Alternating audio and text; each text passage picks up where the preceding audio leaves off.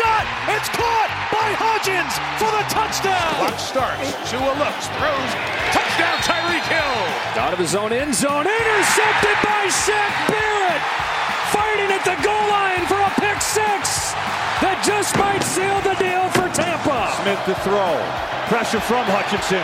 Runs away. Great throw. Lock it down in for the end zone. It's over. The Seahawks win it. Pressure ball out. Picked up. Wow. Touchdown Steelers. Hey, everybody. Another Sunday, another Niner win, baby. Bang, bang. And look at the faithful out here. Oh, my God, it's a sea of red. Woo!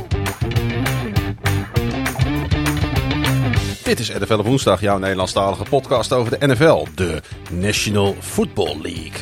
Deze podcast is nog altijd een productie van het Groningse podcastconglomeraat KVM Media. Week 2 leverde weer alle handen moois op. Een eh, echte AFC North battle. Lamar versus Burrow, de LA Chokers. De enige vriend van de show die 2-0 is. En in Chicago houdt de malaise aan. En er is weer muziek voor bij de biertopper. Dit is NFL op woensdag, seizoen 4. Ik ben kwijt. 11. 11? Oké, aflevering 11. Dat vergeet ik dan iedere keer van tevoren op te zoeken. Je houdt, telt trouwens ook niet meer bij. Hè, met, eh, Wat je zegt ben je zelf en dit is aflevering 11. ja, dat er zo'n poëet in jouw eh, schuil ging. eh, Man, met je kont door de helft. nou, ja, zo ging dat vroeger in de Drenthe. Hè? Misschien.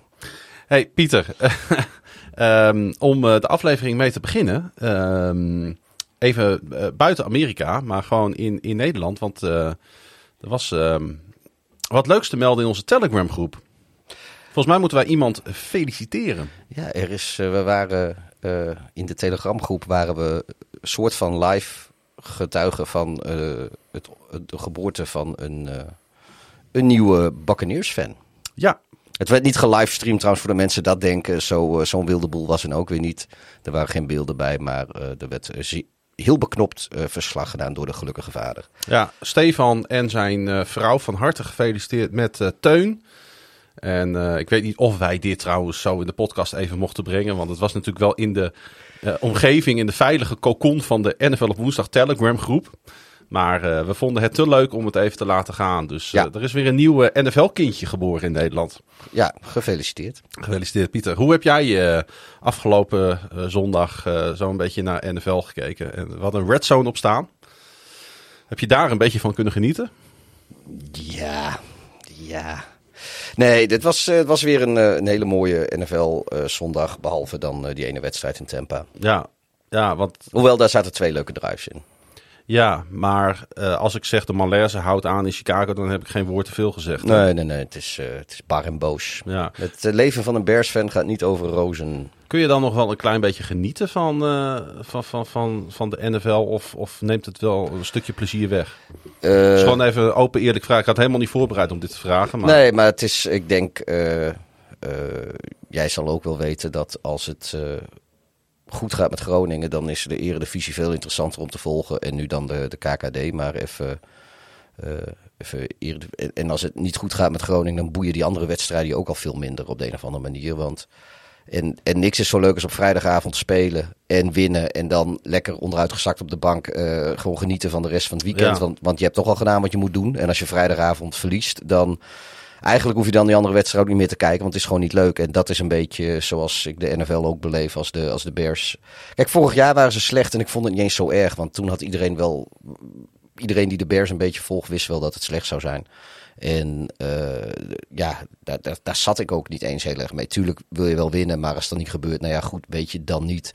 Maar ja, ondertussen hebben we twaalf wedstrijden op rij verloren. Eh, als het, En, eh, nog en, dat, en dat straalt er ook nog vanaf ook. ja, en die dertiende die zit er natuurlijk ook aan te komen. Met een als je naar Kansas, ja. naar Kansas City moet. En ja, weet je, als, als je niet oppast, dan moet je straks eens gaan oppassen dat je niet een heel kalenderjaar zonder, zonder overwinning blijft. Want, want ja, hoe langer je blijft verliezen, hoe moeilijker het wordt om te winnen. Want ja, je moet die kleedkamer bij elkaar houden. Die spelers moeten gemotiveerd blijven. Dus ja, het is, uh, het is allemaal een probleem in Chicago. Nou, we gaan het straks nog even over hebben. Gaan we het straks over pakken hebben. we die wedstrijd er nog even bij. Uh, voordat uh, we echt gaan beginnen, voordat ik het vergeet, wil ik toch nog even onze nieuwe Petje.affers verwelkomen. Want ze zijn het ook waard om genoemd te worden. De afgelopen twee weken zijn er, moet ik even tellen hoor, 1, 2, 3, 4, 5, 6, 7, 8, 9 nieuwe leden bijgekomen Lekker. van onze groeiende community. Dus hartelijk bedankt daarvoor Albert, Rick, Dave, David, Danny, Dirk. Het is wel een. Uh, het is, als, als het borsten waren, was het uh, vijf dubbel D. Uh, het, of zo. het articuleert lekker. Steven, Robert en Sam zijn allemaal dan wel knakenlid, dan wel MVP-lid geworden. Ik zou aanraden om MVP-lid te worden, want dan kun je ook naar onze extra content luisteren. Ben ik niet meer het enige knakenlid? Nee, er zijn twee knakenleden bijgekomen. Ja, Ik, Rick, eh, Rick, en, eh, en Dirk. eh, die, ik, eh, eh, ik, ik besef ja, nu in één keer dat, dat de hele term knaken al een poosje niet gebezigd is in de podcast. Dus Ja. dat wordt ook weer eens tijd. Bring back knaken Ja. bij deze. Goed, eh, jongens, hartstikke bedankt. Eh, me- mede door jullie kunnen we door blijven gaan en eh, kunnen we eh, nou ja, dit, dit, dit blijven maken. Want Ja. het eh, kost ook centjes allemaal om dit ergens eh, te stallen bij een eh, partij die dit allemaal keurig voor ons eh, online zet. en ook met, eh, met een volle maag nemen we op eh, vanavond. Ja. Mede dankzij. Dus ook de keurige pizzaatjes en de pastaatjes zijn weer door jullie betaald, jongens. ja, want op een lege maag wil je mij niet horen opnemen, want dan ben ik heel vervelend. Nee. Hey, om de podcast mee te beginnen, twee vragen. Ehm, de eerste vraag aan jou. En daarna ga, en ga jij ik daar antwoord op geven. En de tweede vraag is eerst voor mij. En dan mag jij er antwoord op geven. Pieter, welk team met een 2-0 record valt jou het meeste op? Ehm, nou, dat moet een NFC South team zijn. Eh, ja, de, de Buccaneers, eh, denk ik wel. Hoe we, ja, nu moet ik inderdaad eerlijk zeggen, los van hoe het berseizoen gaat, eh, is, is dat natuurlijk niet een hele verschrikkelijk lastige wedstrijd geweest op voorhand. Eh, ik heb ze vorige week team van de week gemaakt, omdat ik wel heel knap vond dat ze bij eh, de Minnesota Vikings wonnen. Maar hoe dan ook, ze, ze staan 2-0, terwijl ik low-key en jij misschien ook wel, we ergens wel gedacht hadden dat ze... ehm, nou ja, niet voor de first overall draft pick, maar dat ze... Nou, we hebben afgelopen week weer gezien hoe goed hun team is. we, hadden, we hadden ze afgeschreven. zat het er nog in met, met deze quarterback, was Ja. natuurlijk de grote vraag. Eh, en het antwoord is tot nu toe ja. Ja, we hadden ze, af, we, hadden ze eigenlijk afgeschreven. Maar is ja, de revival van Baker ook, hè? eh, Mayfield speelt... eh, ja, kijk, het is niet dat hij nog helemaal de pannen van dak speelt, maar hij speelt gewoon lekker. Zeker. En die defense is nog steeds eh, behoorlijk. Ja, en, en ze hebben daar nog... eh, de nog playmakers op offense ze, ze hebben daar eh, gewoon, een hè? paar prima receivers, of meer dan prima receivers staan. eh, met, eh, met Godwin en Evans. Die Evans gaat gewoon ook door waar Ja, hij mee eh dat is, ja, eh, ik, ik, denk, ik denk dat sowieso dat eh, als je wide receiver paadjes moet maken. Ja, de Buccaneers zijn denk ik top 3, top 4 met, met Evans en Godwin. eh kun je Ja. ze misschien wel, wel, wel zetten. Maar goed, dus ja, dat... eh, Dus voor jou de Buccaneers het, meest, het team wat, wat het meest opvalt met een 2-0 record. Ja, blijf ik ook in die NFC South hangen. Eh, en dan ga ik voor de Atlanta Falcons.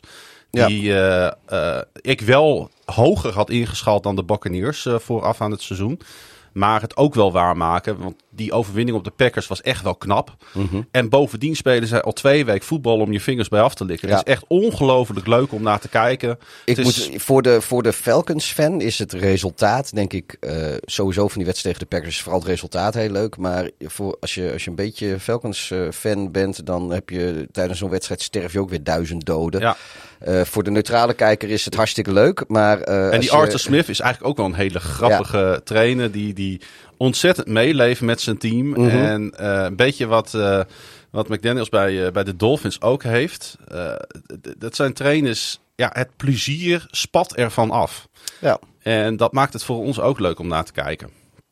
Dus nou, de AFC South voor de win. Eh, vingers NF in eh, NFC South. Veren in de vingers. Nee, veren in de reet. Ja, en de NFC South. Trouwens, sowieso, eh, we hebben natuurlijk het hele offseason eh, zitten wij en eigenlijk iedereen te praten over hoe fucking sterk de AFC is in verhouding tot de NFC.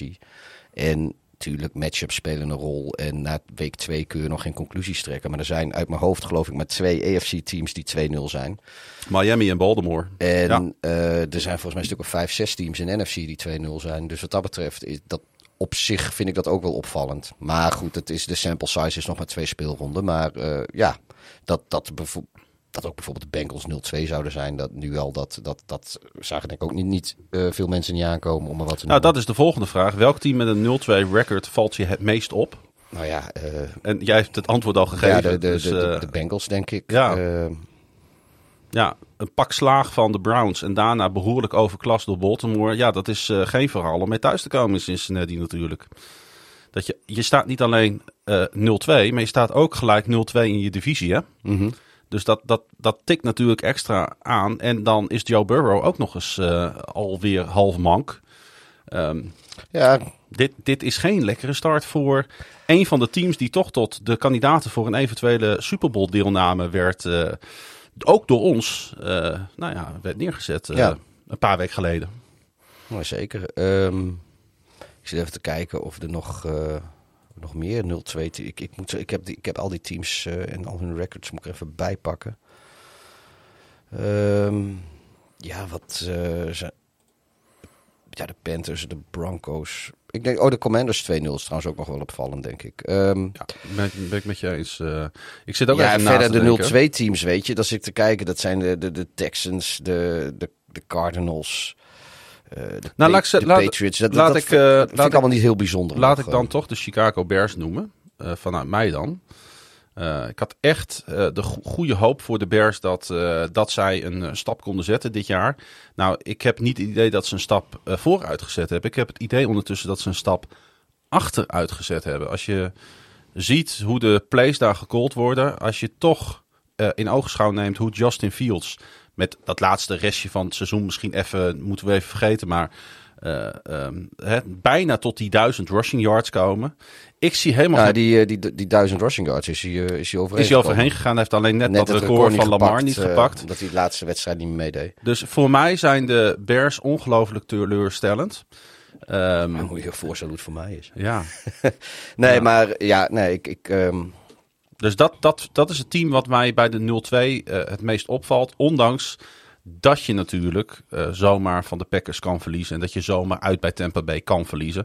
Alleen vooral de manier waarop is denk ik waarom ik uh, ze noem hier. Ja, ik, dat, dat is denk ik Niet wel, de nederlagen als. Nee, dat is denk ik wel terecht. Ik had, ja, ik, ik had denk ik uh, verwacht dat ze, dat ze nu 1-1 zouden staan. maar ja, ook, maar, maar ook eventueel met een kans op, op 2-0. Maar uiteindelijk heb je eigenlijk nauwelijks fatsoenlijke kans Precies. gehad om überhaupt één Precies. keer te winnen. Dus dat... Oké, okay. hey, um, ja. voordat we naar uh, de eerste wedstrijd uh, van, uh, van het afgelopen weekend gaan om daar eens even wat over te roepen. Um, Cam Akers. Uh, naar alle waarschijnlijkheid komt hij toch op de markt. Um, zal hij, uh, ik denk dat hij gekut gaat worden door de Rams vanwege het salaris-issue wat ze daar hebben. Um, maar op dit moment is het team nog actief met hem aan het uh, shoppen. En dat betekent toch echt wel dat hij zijn laatste wedstrijd voor de LA Rams, denk ik, gespeeld heeft in ronde 1. hij had vorig jaar, om het seizoen mee af te sluiten, had hij drie op één volgende 100 plus yard rushing games. Met drie touchdowns om, het, om dat seizoen af te sluiten.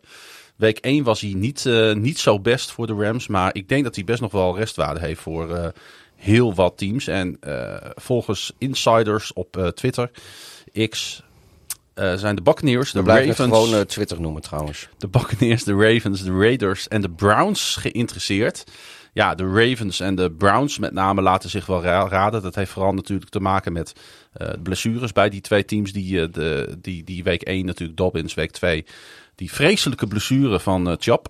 Uh -huh. um, ja, zou, zou, zou jij, als jij een van die teams bent, inzetten op Cam Akers? Of heb je het idee dat het tanende is bij deze... Nou, toch wel redelijk bekende running back. Nou, als ik, als ik een van die teams was, dan denk ik dat je, dat je eigenlijk niet veel keuze hebt. Want ze willen allebei, uh, hebben ze grootste plannen met dit seizoen. Ja. En uh, zo vroeg in het jaar al uh, bepalende spelers verliezen. Op, op, op ook voor beide teams met hoe ze willen spelen. Want een spelopvatting is ook een hele bepalende positie. Ja, dan, dan word je eigenlijk gedwongen je hand te spelen gewoon. Dus, dus ik, ja, ik, ik, ik vind het no-brainers dat ze in ieder geval informeren. Maar ik uh, ga er ook vanuit dat, uh, dat, dat, dat die teams ook uh, daar wel werk van maken. En of het dan rondkomt. De need is natuurlijk bij de Browns het hoogst. Want de Ravens hebben nog een aardige room daarachter met Gus Edwards en Justice Hill. Maar bij de, bij de Browns zou die natuurlijk niet meer staan om, om die rol van Chubb over te nemen. Dus ik, ik zie hem nog wel in het eh, bruin en, en wit van de Browns eh, spelen dit, eh, dit seizoen. Nou, ja, ze hebben natuurlijk eh, bij de Browns wel, eh, wel de nodige... Zeker, daar komen we ook eh, nu komen- eigenlijk op. Want we gaan eh, naar de eerste wedstrijd. En dat was oorspronkelijk jouw team van de week. Daarom zit hij ook hier eh, Ja. al. maar jij hebt op het laatste moment, vlak voor de uitzending, ben je geswitcht naar een ander team. Ja, ik ben een beetje een, een succes supporter wat dat betreft. Nou, dat geeft helemaal Nee, niet. ja, aanvankelijk zouden de... Steelers. Jouw team van de week zijn. Ja, Want de Pittsburgh Steelers wonnen maandagavond in dat ja, toch wel indrukwekkende Acrisure Stadium. Wat eh, voorheen Heinz Field was. Twitter is Twitter, Heinz Field van divisierival eh, Cleveland Browns. 26-22 in een nou, defensive battle in de AFC North zoals we die lang niet gezien hebben. Dit was... Het was een slugfest. Ja, maar ik heb deze hele wedstrijd zitten, kijken afgelopen nacht. En ik als eh, lang, nu nou, toch wel longtime volger van de AFC North, heb hier gigantisch van genoten. Ik heb natuurlijk niet genoten, voordat mensen dit verkeerd interpreteren, van de blessure van Nick Chubb. Die op zijn knie werd geraakt door, ik dacht Fitzpatrick was dat. Ja. Die met zijn helm eh, ja, eigenlijk gewoon de knie van eh Chubb verbrijzelde. Eh, het schijnt er heel naar uitgezien te hebben. De mensen in het stadion hebben wel de herhaling gezien. De mensen thuis voor de televisie niet. Oh, dan weet je wel hoe laat het En de is. crew die announcede van... Het is te heftig om te laten zien. We gaan dit niet... ze hebben gelijk met alle camera's zijn ze weggezwenkt. Eh naar de reclame gegaan. En het is eh, ook Ja, nergens opgedoken. Eh, jawel, ik heb, ik heb, er- ik heb er een... op Reddit heb ik daar Oh ja, eh, dat, wat van tuurlijk, gezien. tuurlijk. En, ehm, maar het linkje is gewoon blauw geweven, gebleven bij mij. Ik heb er niet op geklikt. Ik heb wel de reacties even gelezen. Ja. En toen had, toen had ik al zoiets van, nou, ik, ik, hoef, ik hoef dat niet te zien, joh. Ik, ik zit daar niet op te wachten. Maar de reden Maar dat ik... doen ze wel, wel meer, hè. Want, Ja.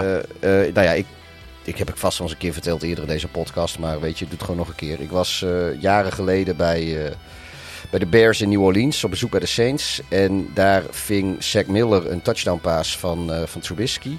En bij het landen raakte hij vreselijk geblesseerd. En dat is ook niet op tv geweest. Er zijn wel beelden van trouwens als je het terugziet, maar niet uit. Maar die touchdown werd gereviewd door de, door de scheidsrechters. Want ze hadden daar was een official review. Want ze hadden zo'n zo'n twijfels erbij of hij wel een complete catch had. Dus in het stadion werd er vanuit alle hoeken werd die. eh, daar hebben we Shaq Daar hebben we Miller. eh, maar vanuit alle hoeken werd dat, werd dat herhaald. En iedere keer hoorde je dat stadion weer van... Oeh, Oh, ja, ja. eh, niemand wilde het eigenlijk zien, maar om, het Als, moet... als een voetballer die met zijn kruis tegen de paal aankomt. Ja, alleen ja, als ze zo'n play reviewen, dan moet je die beelden gewoon uitzenden. Dat, is, dat was het lelijke. Maar goed, eh, dat was bij Chubb niet het geval. En dat is maar goed ook. Ja, het is vreselijk. Ik, Ja. weet je, het is... voor de Browns eh, is natuurlijk eh, heel jammer, want... eh, nou, Nou, een heel jammer. Het is, het, is, het, Het is de pilaar waar hun aanval op drijft. Ja, want de Sean Watson is het zeer zeker nog niet. Ik heb Chop, daar, daar hebben we het nog over gehad, heb ik zelfs benoemd als eventuele kandidaat voor een MVP-schap. Een non-QB, maar als het toch de- deze al jarenlang laat hij op zo'n continue basis zien wat hij kan. Hij is eigenlijk de enige stabiele factor van dit team door de jaren heen. Het is altijd chaos geweest in Cleveland. Kerkhof voor quarterbacks. Maar Nick Chubb altijd, ieder seizoen weer. Eigenlijk verdient eh, deze jongen een betere, eh, beter team dan de Browns, zou ik willen zeggen. Nou, hij verdient sowieso, ja. En En nu is hij misschien wel kapot voor de rest van zijn carrière. ja, het is... eh, ik, het, ja, nee, nu zijn sowieso... eh, eh, ik gun eh, niemand zo'n blessure. Maar zeker Chubb niet. Ehm, ja, het is, het is gewoon heel jammer. Maar in ieder nadeel zit een voordeel. De running game bij de, bij de Cleveland Browns die, moest natuurlijk onmiddellijk vervangen worden. En daar ontdekte jij toch wel wat bijzonders, Pieter. Ja, ten eerste vond ik dat de backup running back en de fullback dat, dat wel redelijk deden. Maar eh, het mooiste vond ik is dat de, de fullback heet Harrison en de backup running back heet Ford. Dus ja, Harrison Ford eh, die is daar eh, to the rescue gekomen. En die hebben trouwens nog bijna die wedstrijd in het voordeel van de Browns beslist. Want ook na de blessure van, eh van Chubb was Watson nog steeds allerminst overtuigend. En moest het toch echt vooral over de grond gebeuren. Dus met, met andere woorden, eigenlijk hebben ze daar nu een soort van Indiana Jones tandem. Ze hebben, ja, Indiana Jones is, is eigenlijk daar de, de, de, nu verantwoordelijk voor de ground game.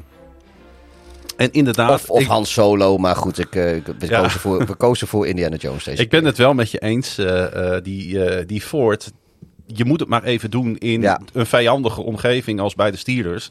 En hij zette uit mijn hoofd gewoon meer dan 100 yards. Hij had één hele lange, hele mooie run die net, net niet eh, de endzone inging. Maar ja, dat Harrison die eh, deed dat de volgende play. Ja. eh, bracht hij hem wel vanaf de, vanaf de half yard line of zo, bracht hij hem de endzone in. Hey, waarom jij natuurlijk die Steelers in eerste instantie uitkoos, was natuurlijk vanwege de verdediging die ja, een, een, een, een, een, een, een geweldige pot neerzette.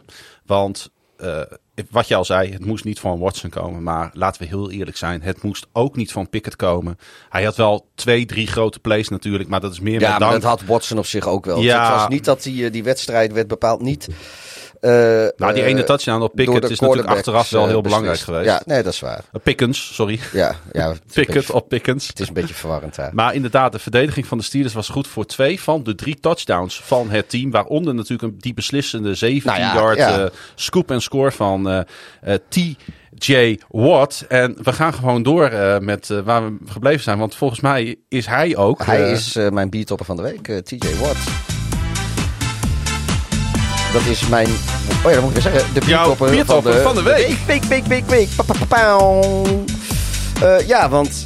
Nou ja, sowieso speelde natuurlijk een dijk van een wedstrijd. Net als de hele verdediging van, eh, van Pittsburgh, moet ik zeggen. En ook wel die van de Browns. Maar goed, Pittsburgh eh, trok aan het langste eind. Maar wat heel erg opvallend was, is dat de Steelers bij aanvang van het vierde kwart eh achter stonden. En eh, de, het resultaat van de offense in dat hele vierde kwart was een eh, min 7 yard. En toch hebben ze die wedstrijd eh, weten te winnen. En, en ja, dat, dat is natuurlijk een prestatie op zich. Dat je gewoon negatieve yardage hebt op de aanval. En toch pakt, pakt de verdediging voor jou de, de overwinning uit het vuur in, in, in de slotfase van de wedstrijd. En ja, dat, dat, dat ging onder leiding van TJ Watt. Die, eh, die er met kop en schouders bovenuit stak wat mij betreft. eh. Ja, toch ook wel samen met Fitzpatrick natuurlijk. eh, Ja. Die ook een hell of a game speelde. Dus eigenlijk zouden ze samen de Ja. toppen kunnen zijn van, van, van deze wedstrijd. Ja, ik, ik ben het helemaal met je eens. Wat betreft uh, Fitzpatrick had natuurlijk wel die klap op die knie van Chop. Waar, waarvan je zou kunnen zeggen van... Ja, dat is, ik, ik geloof niet dat, dat daar opzet bij zit. Ik wil, ik wil dat ook niet uitspreken, maar... Je snapt wat ik bedoel. Ik heb er toch moeite mee dan om... Nou ja, eh, ja, ja, hij, nee, zal, hij zal... Misschien zit hij er zelf ook wel mee. Dat kan ja, ook nog, hè? Ja, nee, nee, in die zin heb je gelijk. Zo'n beetje.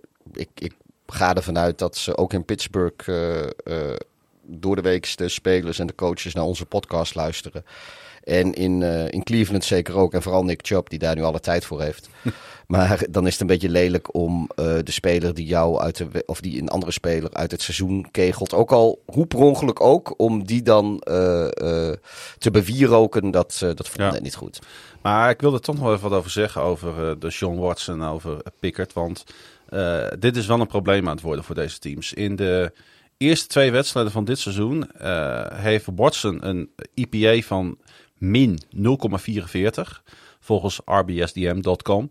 Eh, de op één na slechte score, in de NFL. Trouwens, als mensen luisteren en ze denken, wat is EPA? Misschien is het goed om dat toch nog even keer uit te leggen. Dat is een vergelijking van wat een gemiddelde quarterback zou moeten doen op een bepaalde down in vergelijking met wat er daadwerkelijk gebeurde.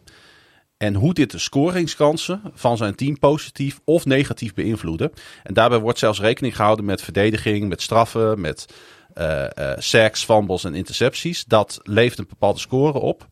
En over de eerste twee weken van dit seizoen hebben eh de Sean Watson en Kenny Pickett de slechtste EPA-scores van de hele league. Dus dat wil zeggen dat ook alle rookie quarterbacks beter scoren. Dat Zach Wilson beter scoort. Dat Justin Fields beter scoort. Dit zijn de twee slechtste quarterbacks als je alles meeneemt wat er in zo'n wedstrijd gebeurt. Volgens de statistieken in de league.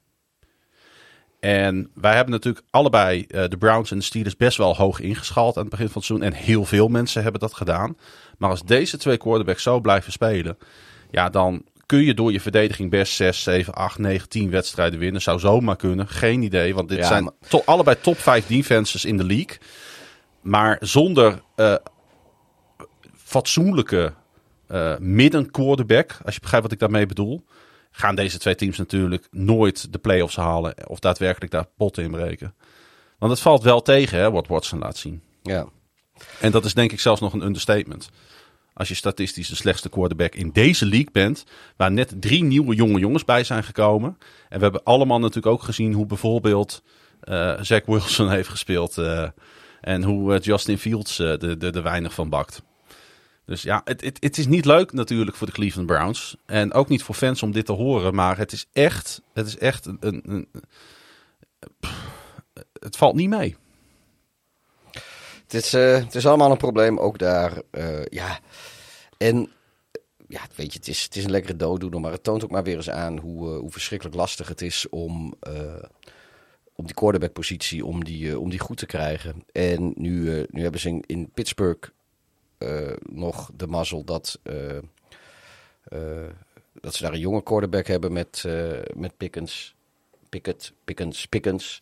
En dat ook nog dat hij op een rookie-contract zit. Dus het is ook niet zo dat hij hun halve uh, salary cap opvreet. Maar ja, in, uh, in Cleveland mogen ze toch echt wel wat meer verwachten van de Sean Watson langzamerhand. ten eerste alleen al vanwege het monsterlijke contract dat hij heeft. En mm -hmm. ten tweede ook ja, op basis van wat hij in, in Houston heeft laten zien. Maar maar ondertussen, sinds zijn elf wedstrijden, is hij geschorst geweest. En uh, daarvoor heeft hij een jaar uh, geweigerd te spelen voor de Texans. En sindsdien heeft hij nog geen fatsoenlijke wedstrijd weer gespeeld. Dus de, de vraag is zo langzamerhand echt van hoe goed is de Sean Watson nog? Ja, en daar die, moet... die, die, die, die zal wel groeien, weet je. Dat, dat, dat kan, dat, dat, dat, dat geloof ik heus. Ik, uh, maar je moet natuurlijk, je moet natuurlijk dat salaris van Watson moet je meerekenen in je beoordeling. Mm, mm. En daar zit hem natuurlijk de grote crux. Zie je dat hij uh, zelfs nu met het gestructureerde contract van Patrick Mahomes volgens mij nog steeds uh, gemiddeld per jaar de best betaalde quarterback in de league is. Ja, dan draait je maag daar als je Browns fan bent toch van om als je hem ziet, ziet, ziet strubbelen. Tenminste, ja. zo zou het mij wel vergaan. Um, we gaan zo meteen door naar uh, de volgende wedstrijd. Maar ik wil nog even benoemen dat de Browns nu 20 reguliere seizoenswedstrijden op rij hebben verloren in het stadion van Pittsburgh. Dus het is, eigenlijk is het een beetje hun mausoleum, dit, dit stadion. Dit is keer op keer, en nu wat er nu met Chubb gebeurd is, kan, kan natuurlijk altijd toeval zijn. Hoewel niks toeval is tegen deze verdediging natuurlijk van de Steelers. Uh, maar het is echt, dit, dit zijn. Kun je je voorstellen dat je twintig jaar op rij ergens verliest? Dat, dat volgens mij. Ja, ik wel enigszins. Uh, ja, maar. niet, ja. Dat is, dit is, volgens mij kent dit bijna geen gelijkenis in de NFL. De Browns, als ze deze wedstrijd hadden gewonnen, waren ze voor het eerst 2-0 gegaan sinds. Gok maar. Welk jaar? Nou, dat zal uh, vroeg jaren 90 geweest zijn. Of anders moeten we terug naar de jaren 50. 1993. Ja. Toen Bill Belichick nog hun uh, coach was. Zo lang moeten we terug voor de eerste 2-0 start sinds de, voor de Cleveland Browns. En het is uh, weer niet gelukt. 27 op één volgende seizoenen op rij. Geen 2-0 start. Het is de langste start. Het zal niemand verbazen. In de geschiedenis van de NFL. We gaan naar uh, mijn uh, team van de week, Pieter.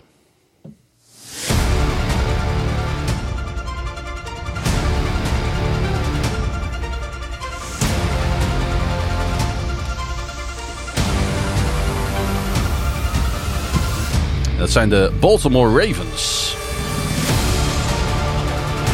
Een team wat mij niet onbekend is. Maar ik vind dat zij van alle teams uh, toch wel de grootste statement win hebben neergezet in week 2 door van het toch door heel veel mensen hoger ingeschalte Cincinnati Bengals in Cincinnati te winnen. En daarmee houdt eigenlijk ook de offensieve malaise van de Cleveland Browns gewoon aan. Want het zag er echt heel matig uit wat Joe Burrow en consorten lieten zien. Um, Cincinnati quarterback Joe Burrow vorige week natuurlijk tegen de Cleveland Browns al uh, aangelopen tegen misschien wel de slechtste prestatie uit zijn professionele carrière. Kwam slechts tot 35 yards met 8 uit 11 passing in de eerste helft, Pieter. Um, hoe heb jij eh, naar eh, de Cincinnati Bengals en Joe Burrow gekeken? Ehm, niet, niet heel aandachtig moet ik zeggen. Het was op Red Zone, maar ik zat toen natuurlijk eh, naar de Bears te kijken. Maar je had natuurlijk wel door dat het eh, van geen kant liep eh, bij, bij Joe Burrow. Hebben, zij, hebben zij nu wel een probleem? We hebben vorige week gezegd het zou een stukje roestigheid kunnen zijn. Maar ik denk dat we na deze wedstrijd tegen de Ravens toch wel wat meer alvast al kunnen zeggen over dit team. Ehm, ja, het is.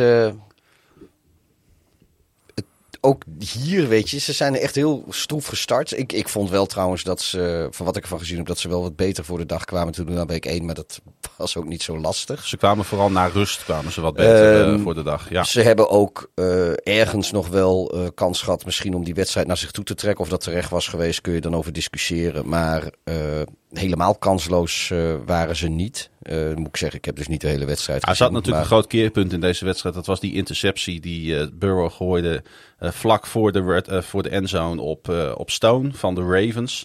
En vervolgens de eerste play was die diepe bal van Lamar Jackson op Zay Flowers. Ja, toen was het, de wedstrijd definitief gekeerd. En heeft Baltimore die wedstrijd eigenlijk met, met speelsgemak naar zich toe getrokken. Met natuurlijk onder andere nog die schitterende touchdown pass van eh, Jackson op eh, Nelson Aguilar. Die eh, prachtig over zijn schouder zo in zijn handen plofte. Ja, ik was echt, echt onder de indruk van de Ravens. En ik had al voorspeld dat ik dacht dat de Ravens deze wedstrijd zouden gaan winnen. De hele wereld dacht daar eigenlijk anders over. Ook als je kijkt naar de voorspellingen van eigenlijk alle kenners. Of het nou bij ESPN was, bij NFL Network. Eigenlijk ging iedereen hier voor de Bengals. Ehm, wat ze meestal doen. Want op de een of andere manier. ehm, en je begint bijna te denken dat het eh, aan dingen ligt die ik eigenlijk niet wil benoemen. Maar eh, wordt Lamar Jackson en worden ook de Baltimore Ravens eigenlijk eh, iedere keer weer onderschat. Ehm, en dat terwijl ze nu... Lamar Jackson heeft nog nooit verloren in Cincinnati. In zijn hele carrière. Ja, niet. 6-7-1 of zo is hij, of 6-1 of Nou, hij is 3-0 tegen- in, in Cincinnati. Ja, maar tegen de Bengals of zo, zoiets. Die heeft... Ik, dat, ik weet niet de exacte, exacte career numbers. eh, en Cincinnati heeft natuurlijk afgelopen jaar wel gewoon eh, eh, twee keer in Cincinnati gewonnen. Maar dat was tegen Tyler Huntley. Lamar Baltimore. Jackson was daar natuurlijk geblesseerd. Ehm, nee, ik was echt onder. Als dit de Ravens zijn die we kunnen gaan verwachten dit jaar onder Todd Monken, de nieuwe offensive coordinator, met dit eh receivers corps en niet te vergeten natuurlijk, ehm, moesten de Ravens het doen zonder hun top running back Dobbins. Ze misten twee startende offensive linemen, Ronnie Stanley en Tyler Lindebaum. Ze misten hun top cornerback, Marlon Humphrey. Ze misten hun top safety, Marcus Williams. Tijdens de wedstrijd verloren de Ravens Odell Beckham Jr. en outside linebacker Odafe Owe met blessures. En toch hebben ze een manier gevonden om deze wedstrijd naar zich toe te trekken. Met het leiderschap van Lamar Jackson, die veel uitgebalanceerder speelde dan tegen de Houston Texans. Ja, als dit de Ravens zijn die dit jaar eh, op deze manier wedstrijden gaat controleren. En als Jackson deze leider blijkt te zijn, dan doet dat mij toch lichtelijk terugdenken aan de Ravens van 2019. Ja, kan het een leuk seizoen worden in, eh in B-More. Ja, en laten we dan eh, even de pagina omdraaien en naar de Cincinnati Bengals kijken. Die staan nu op 0-2, Pieter. We zeiden het net al. Ook in, en in de divisie. in de divisie. Zijn waarschijnlijk voor de volgende wedstrijd Joe Burrow kwijt. De volgende wedstrijd is een thuiswedstrijd tegen de Los Angeles Rams. Die het erg goed doen, al twee weken lang. Ehm, hoe ga je nog in deze AFC, in deze divisie... Kun je een eventuele, we lopen een beetje op de zaak vooruit... maar kun je een eventuele 3-0 achterstand nog goed maken? Nou, eh, Dan, dan wordt het al wel gelijk lastig. laten we het eerst zo houden op de 2-0 achterstand die ze hebben. En eh, Maar zat... er- kijk, statistisch gezien, ik geloof als je 0-2 het seizoen begint, dan is er statistisch gezien maar 10% kans dat je de play-offs haalt. Vorig jaar eh startten de Bengals ook 0-2. Maar eh, nu moet ik wel zeggen dat die, die, die statistiek die is natuurlijk een beetje. Die vertekent het beeld, omdat heel veel slechte teams die überhaupt nooit serieus kans zouden hebben om de play-offs te halen, die, die beginnen relatief vaak 0-2. En teams die dusdanig goed zijn dat ze de play-offs wel kunnen halen, beginnen niet vaak 0-2. Terwijl ze, als ze wel 0-2 beginnen, ze waarschijnlijk alsnog die play-offs wel halen. Want 0-2 is voor een goed team geen doodsvonnis. Dat, Nee. Het is niet onoverkomelijk. Je kan ook midden in het seizoen een, een, een two-game losing streak hebben. En eh, dat maakt dan ook allemaal niet zo heel veel uit. Ehm, Nou, laat ik zo zeggen. Ik maak mij niet alleen zo. Vorig jaar maakte ik mij minder zorgen om 0-2. Ehm, nu maak ik mij wel zorgen over 0-2. Omdat dit team er niet goed uitziet. En ik snap nog niet zo heel goed waarom. Want dit is een van de meest stabiele teams op dit moment in de league. Ze hebben al vijf jaar lang hebben ze de complete coachingstaf hebben ze bij elkaar. Er zijn natuurlijk wel wat veranderingen in geweest. Maar die drukken toch wel heel zwaar op dit team. Hè. De, de, met name de secondary van de Bengals is behoorlijk eh, door elkaar gehusseld. Zijn een aantal spelers weggegaan. Eh, het, vertrek van Jesse Bates is denk ik toch wel een hele... ehm, drukt toch wel een zware wissel op dit team. En als je kijkt naar de verdediging van de Bengals eh, vorig jaar... en zeker ook in die drie ontmoetingen met de Ravens... twee keer in het reguliere seizoen, één keer in de playoffs... waar waren de Bengals goed in? Hun red zone of defense. Dus teams tegenhouden als ze op scoringspositie staan. Waar lukt het het hun niet om Baltimore deze keer tegen te houden? Nou, precies daar in dat gebied. ja. Ehm, dus het is niet alleen de aanval van de Bengals die nu een probleem heeft. Het is ook de defense die eerst de Cleveland Browns met Deshaun Watson niet kon stoppen. En nu kunnen ze in eigen huis kunnen ze dus Lamar Jackson en de Baltimore Ravens niet tegenhouden. Ja, maar het komt natuurlijk ook omdat de, de aanval nog niet echt eh, van de grond komt. eh, is het voor de defense ook gewoon veel zwaarder.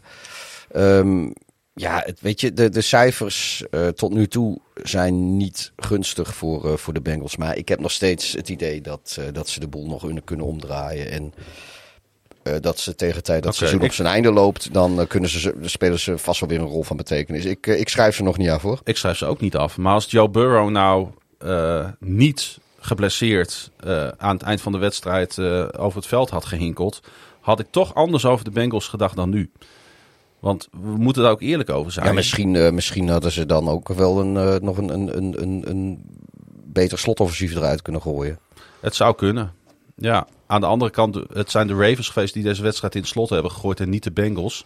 Want de Ravens hebben kieskeurig de, de klok namelijk eh, met een paar fantastische eh, eh, set of downs Ja, nee, dat, dat, dat, is ook zo. Maar goed, toen was dus Burrow... ze Die hebben was, de kans niet was, eens meer gehad. Nee, maar toen, toen Burrow die, die was op de laatste drive van die hij deed, was hij al niet meer, was hij al niet meer. Nee. En dat, dat is niet de reden dat, dat, dat de Bengals verliezen. Maar eh, het zal niet, sowieso niet, niet eh, bijgedragen Nou, hebben laat ik het zo zeggen, weet je, ik miste gewoon eh, aan beide kanten van de bal balans in dit team, wat ik de afgelopen jaren wel heb gezien. Het lijkt wel alsof er een compleet nieuw team staat, wat, wat met, met, met, met 6, 7, 8, 9 rookies speelt. En als je dan kijkt naar hoe Todd Monken deze aanval heeft gedraaid met Jackson, die gooide voor 237 yards en twee touchdowns. Maar de Ravens die ook hebben gerend voor 178 yards en een, en een touchdown. Ja, dat is, dat is de uitgebalanceerde aanval die ik wil zien van de Baltimore Ravens. Dat past bij dit team. En zij staan 2 en 0. En de Bengals staan 0 en 2. Dus dit was gewoon echt een huge win. Een gigantische overwinning voor de Ravens. En eh, ik ben heel benieuwd hoe ver zij kunnen komen. En hoe moeilijk de AFC is. Dat hebben we natuurlijk gezien aan die andere teams. Ja. Waarvan er maar eentje 2 en 0 in deze conference staat. Waar, en dat zijn de Miami Dolphins. Want Dat is eh, trouwens eh, Loki wel natuurlijk nog de strohalm voor de Bengals. Hè? Dat, eh, dat andere kanshebbers ook al Kijk, ze liggen, nog, verloren hebben. ze liggen Ja. nog steeds maar één game achter op bijvoorbeeld de Bills en de Chiefs. Als, die op voorhand als hun grote concurrent. eh, dus, dus En de Steelers en de Browns in de divisie, die ook al gelijk- eh, eh, Ja. ja, 1-1 staan. Nee, dat klopt. Daar heb je ook gelijk in. Hey, de Miami Dolphins, die dus ook weer wonnen. In nooit een makkelijke wedstrijd voor hun, namelijk tegen de New England Patriots. In een schitterende pet de Patriot tenues. Ik vind dat, ik vind dat echt heel mooi. Dus de Eens. Patriots in het rood spelen met de witte helmen. het was de Sunday Night Football. En ehm, de Patriots die staan voor het eerst sinds 2001 op 0-2. Dat is ook al even geleden voor dit team. eh, en ook even wennen voor eh, Bill Belichick eh, daar. Ik vroeg dat aan jou, hè? Toen we net even wat zaten te eten en dit zaten voor te bereiden. Ik, is, eh, is het moment daar gekomen dat we het nu toch ernstig eh, moeten nadenken of er nog toekomst is voor Bill Belichick in de NFL en bij de Patriots? Wat niks afdoet aan zijn legacy, hè? Maar er is voor iedereen natuurlijk in het leven ergens een moment van gaan. Ik weet niet of, uh, of, of Bill dat wil. En ja, het, is, het zal voor de Patriots heel lastig zijn om hem de deur uit te werken. Want eigenlijk is dat bijna onmogelijk om met in acht nemen van wat die man jou gebracht heeft de afgelopen 25 jaar. Um, om dan nu hem zeg maar roemloos de achterdeur uit te bonjouren ja, ik kan me voorstellen dat je daar eigenlijk ook niet op zit te wachten. Zo'n Robert Kraft, uh, die, die, die wil dat vast niet. Aan de andere kant, ja, weet je, het is business. Ja. Uh, er zal een, zal een moment komen dat ook Robert Kraft denkt van... nou ja, uh, sorry Bill, maar bedankt voor bewezen diensten. We gaan een standbeeld voor je maken, dus poseer nog even. En daarna kun, je de, kun, je, kun je jas pakken. Beste maar weer. Want ook hier natuurlijk een hele sterke defense. Maar een offense om, ja... Dit, dit, dit gaat hem niet worden. Bill Belichick kan hier ook geen chocola van bakken. Ik geloof ook niet dat, dat op voorhand daar veel hoge verwachtingen over waren. Ik weet ook niet hoeveel tijd uh, Bill Belichick denkt nodig.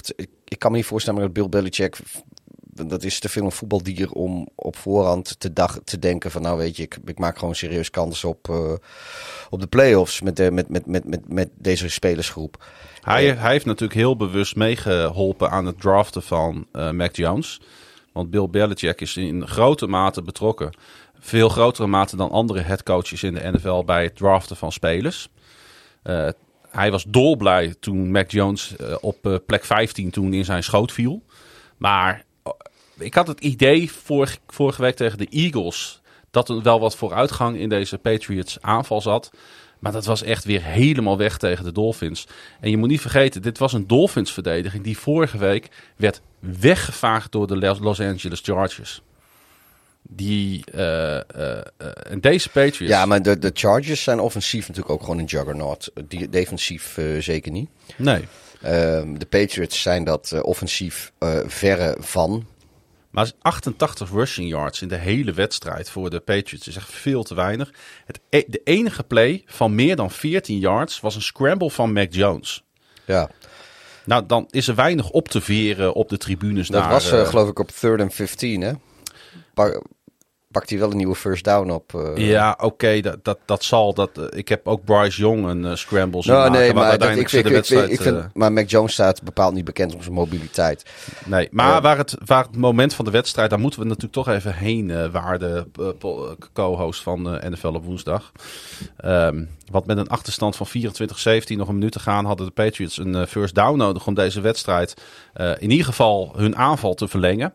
Uh, tight end Mike Gesicki leek, uh, uh, ja, leek een first down te halen naar een lateral uh, van nee, Gesicki, naar de offensive. Ja, Gesicki, een lateral naar offensive lineman ja. Cole Strange. Ja. Um, die nou net voor de lijn de bal net op de lijn, zeg het maar. Nee, jullie zaten hier met, uh, met z'n vieren te kijken Ja, gisteravond. wij, wij, dachten, wij dachten allemaal in eerste instantie first down. En jij hebt nog even uh, frame for frame het net uh, laten zien. En dan lijkt het dan weer net niet ja, te zijn. Ik, de, ja, de frames die ik zag. En dat, dat was een goed camera standpunt gewoon vanaf, precies vanaf de andere kant. Ja.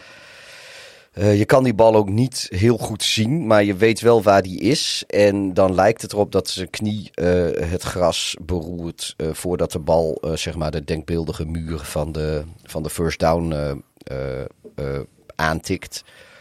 Um, Millimeterwerken. Dus, ja, in die zin snap ik wel dat de scheidsrechters, ongeacht... ja, de, ik, ik, ik denk dat als, als ze wel een first down hadden gegeven. Dan was hij en, blijven staan. En uh, hij was gechallenged. Dan zou hij zou kunnen blijven staan. Maar ik, ik kan me ook nog voorstellen dat met die beelden die, die wij net zagen, dat hij overturned zou worden. Mm. Ik, ik vond het met die beelden geen first down. Dat was wel het moment van de wedstrijd natuurlijk. Want de Patriots kwamen een klein beetje terug in de pot. Als zij daar uit die drive, als die door het kunnen gaan, zou er een touchdown uit gemaakt. Was het natuurlijk fenomenaal geweest. Want dan klappen ze even 21 punten in het Ja. vierde kwart op de Dolphins. En je krijgt niet zoveel kansen als Patriots tegen de Dolphins. Dus het was echt wel een hele een pijnlijk moment. Want de wedstrijd was gelijk afgelopen. Maar ik denk dat we wel weer hebben gezien. Ondanks dat het geen uh, gigantische dominantie van de Dolphins was. Hoe goed het team is. Want uh, je moet niet vergeten tegen wie ze speelden. De defense van de Patriots met Bill Belichick. En waar stond Bill Belichick bekend om? Uh, al heel lang. de afgelopen 10, 20 jaar. Het wegnemen van waar de tegenstander goed in is. Ja. Da, da- daar En- is Belichick natuurlijk En, en master ja, in. En wat Belichick natuurlijk ook altijd eh, voor zorgt, de defense en de special teams van zijn team zijn over het algemeen uitstekend. Die, nou ja, ik vind wel dat die eh, zo beide fases, wat dat betreft van de Patriots, zit, zaten redelijk in elkaar eh, tegen de tegen de Dolphins. En special teams hebben een paar goede dingen laten zien. Die hebben een eh field goal geblokt. Eh, Ja. Bijvoorbeeld, de defense was ook wel eh, behoorlijk, vond ik. Ik bedoel, ja, de Dolphins, dat is toch een team wat, wat, wat, wat graag veel scoort. Daar hebben ze, hebben ze vroeg in de wedstrijd kunnen doen. Maar uiteindelijk hebben ze dat toch redelijk we- weten te Ik stoppen. ben, ik ben het deels met je eens, Pieter. En wat ik ook dus wel zag, die, die lateral pass van Gesicki op die lineman. Dat is typisch iets dat doet een Bill Belichick gecoacht team. Ik zou Gesicki datzelfde niet, want die heeft ook bij de Dolphins gespeeld. Daar zou ik hem dat niet zo snel zien doen. Ik, ik kan me zo, zo snel ook geen tight end voor de geest halen die, die op dat moment met de wedstrijd on the line, wetende dat hij eh, eh, geen, geen yards meer gaat opschieten toch die tegenwoordigheid vergeven om dat op die manier te doen. Het is, het is een. Maar ja, ik, denk, ergens- ik denk juist Kiziki, omdat Kiziki niet de massa heeft die heel veel andere tight ends Nee, hebben. maar eh, het gaat in dit, dit geval om het, om het gochme om, om zoiets te doen. En dat ook nog goed te doen. Want eh, eh, ja, dat, dat zie je niet veel bij andere teams. Zeker niet op, op dat soort momenten. Op, eh, wel eens gewoon zeg maar die hooks en ladder play. Als je, als je wanhopig, wat de Dolphins bij de Patriots gedaan hebben. Een paar seizoenen geleden natuurlijk. De Raiders en de Patriots vorig jaar nog. Ja, Ja. Nou ja, we weten hoe dat afliep. Ja. Maar, ehm, nee, maar, maar hoe dan ook, dat, dat zijn toch dingen zoals deze omstandigheden en dan die paasgeven. Dat vond ik wel echt weer typisch iets voor de, voor de Belichick Patriots. Om, om, Mm. Dat het dan niet lukt uiteindelijk, oké, jammer dan. Maar het feit dat, dat het überhaupt geprobeerd wordt. En dat, ja, ik vind dat, dat vind ik wel echt iets, Be- een- een Belichick coach team eh, kenmerk, denk ik. Ik wil er toch nog wel iets over zeggen, want Bill Belichick die eh, heeft natuurlijk geprobeerd om Tyreek Hill, eh, Hill uit te schakelen. Ehm, wat ik zag is dat hij vaak drie safeties op het veld bracht.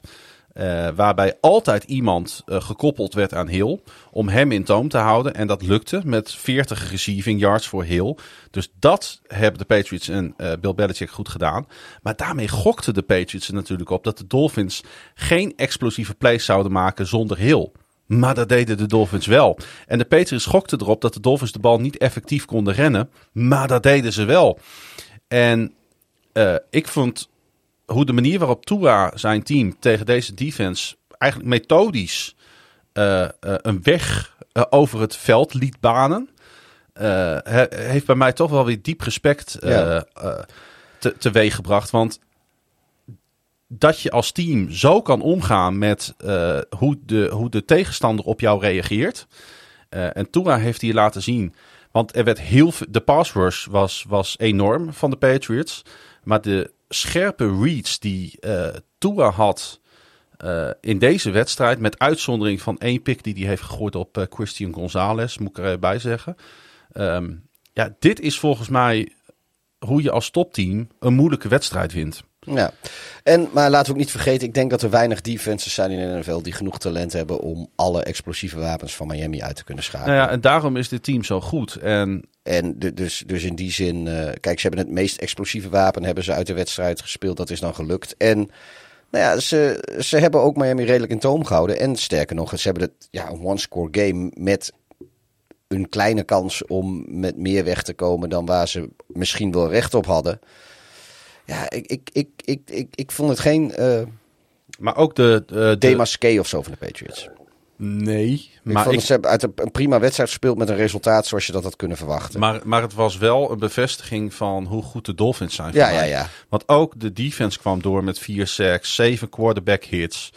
Ehm, ik zou bijna willen zeggen, hoe ik Tua heb zien spelen in week 1 en opgeteld in week 2 in twee volledig verschillende wedstrijden tegen twee vo- volledig verschillende defenses.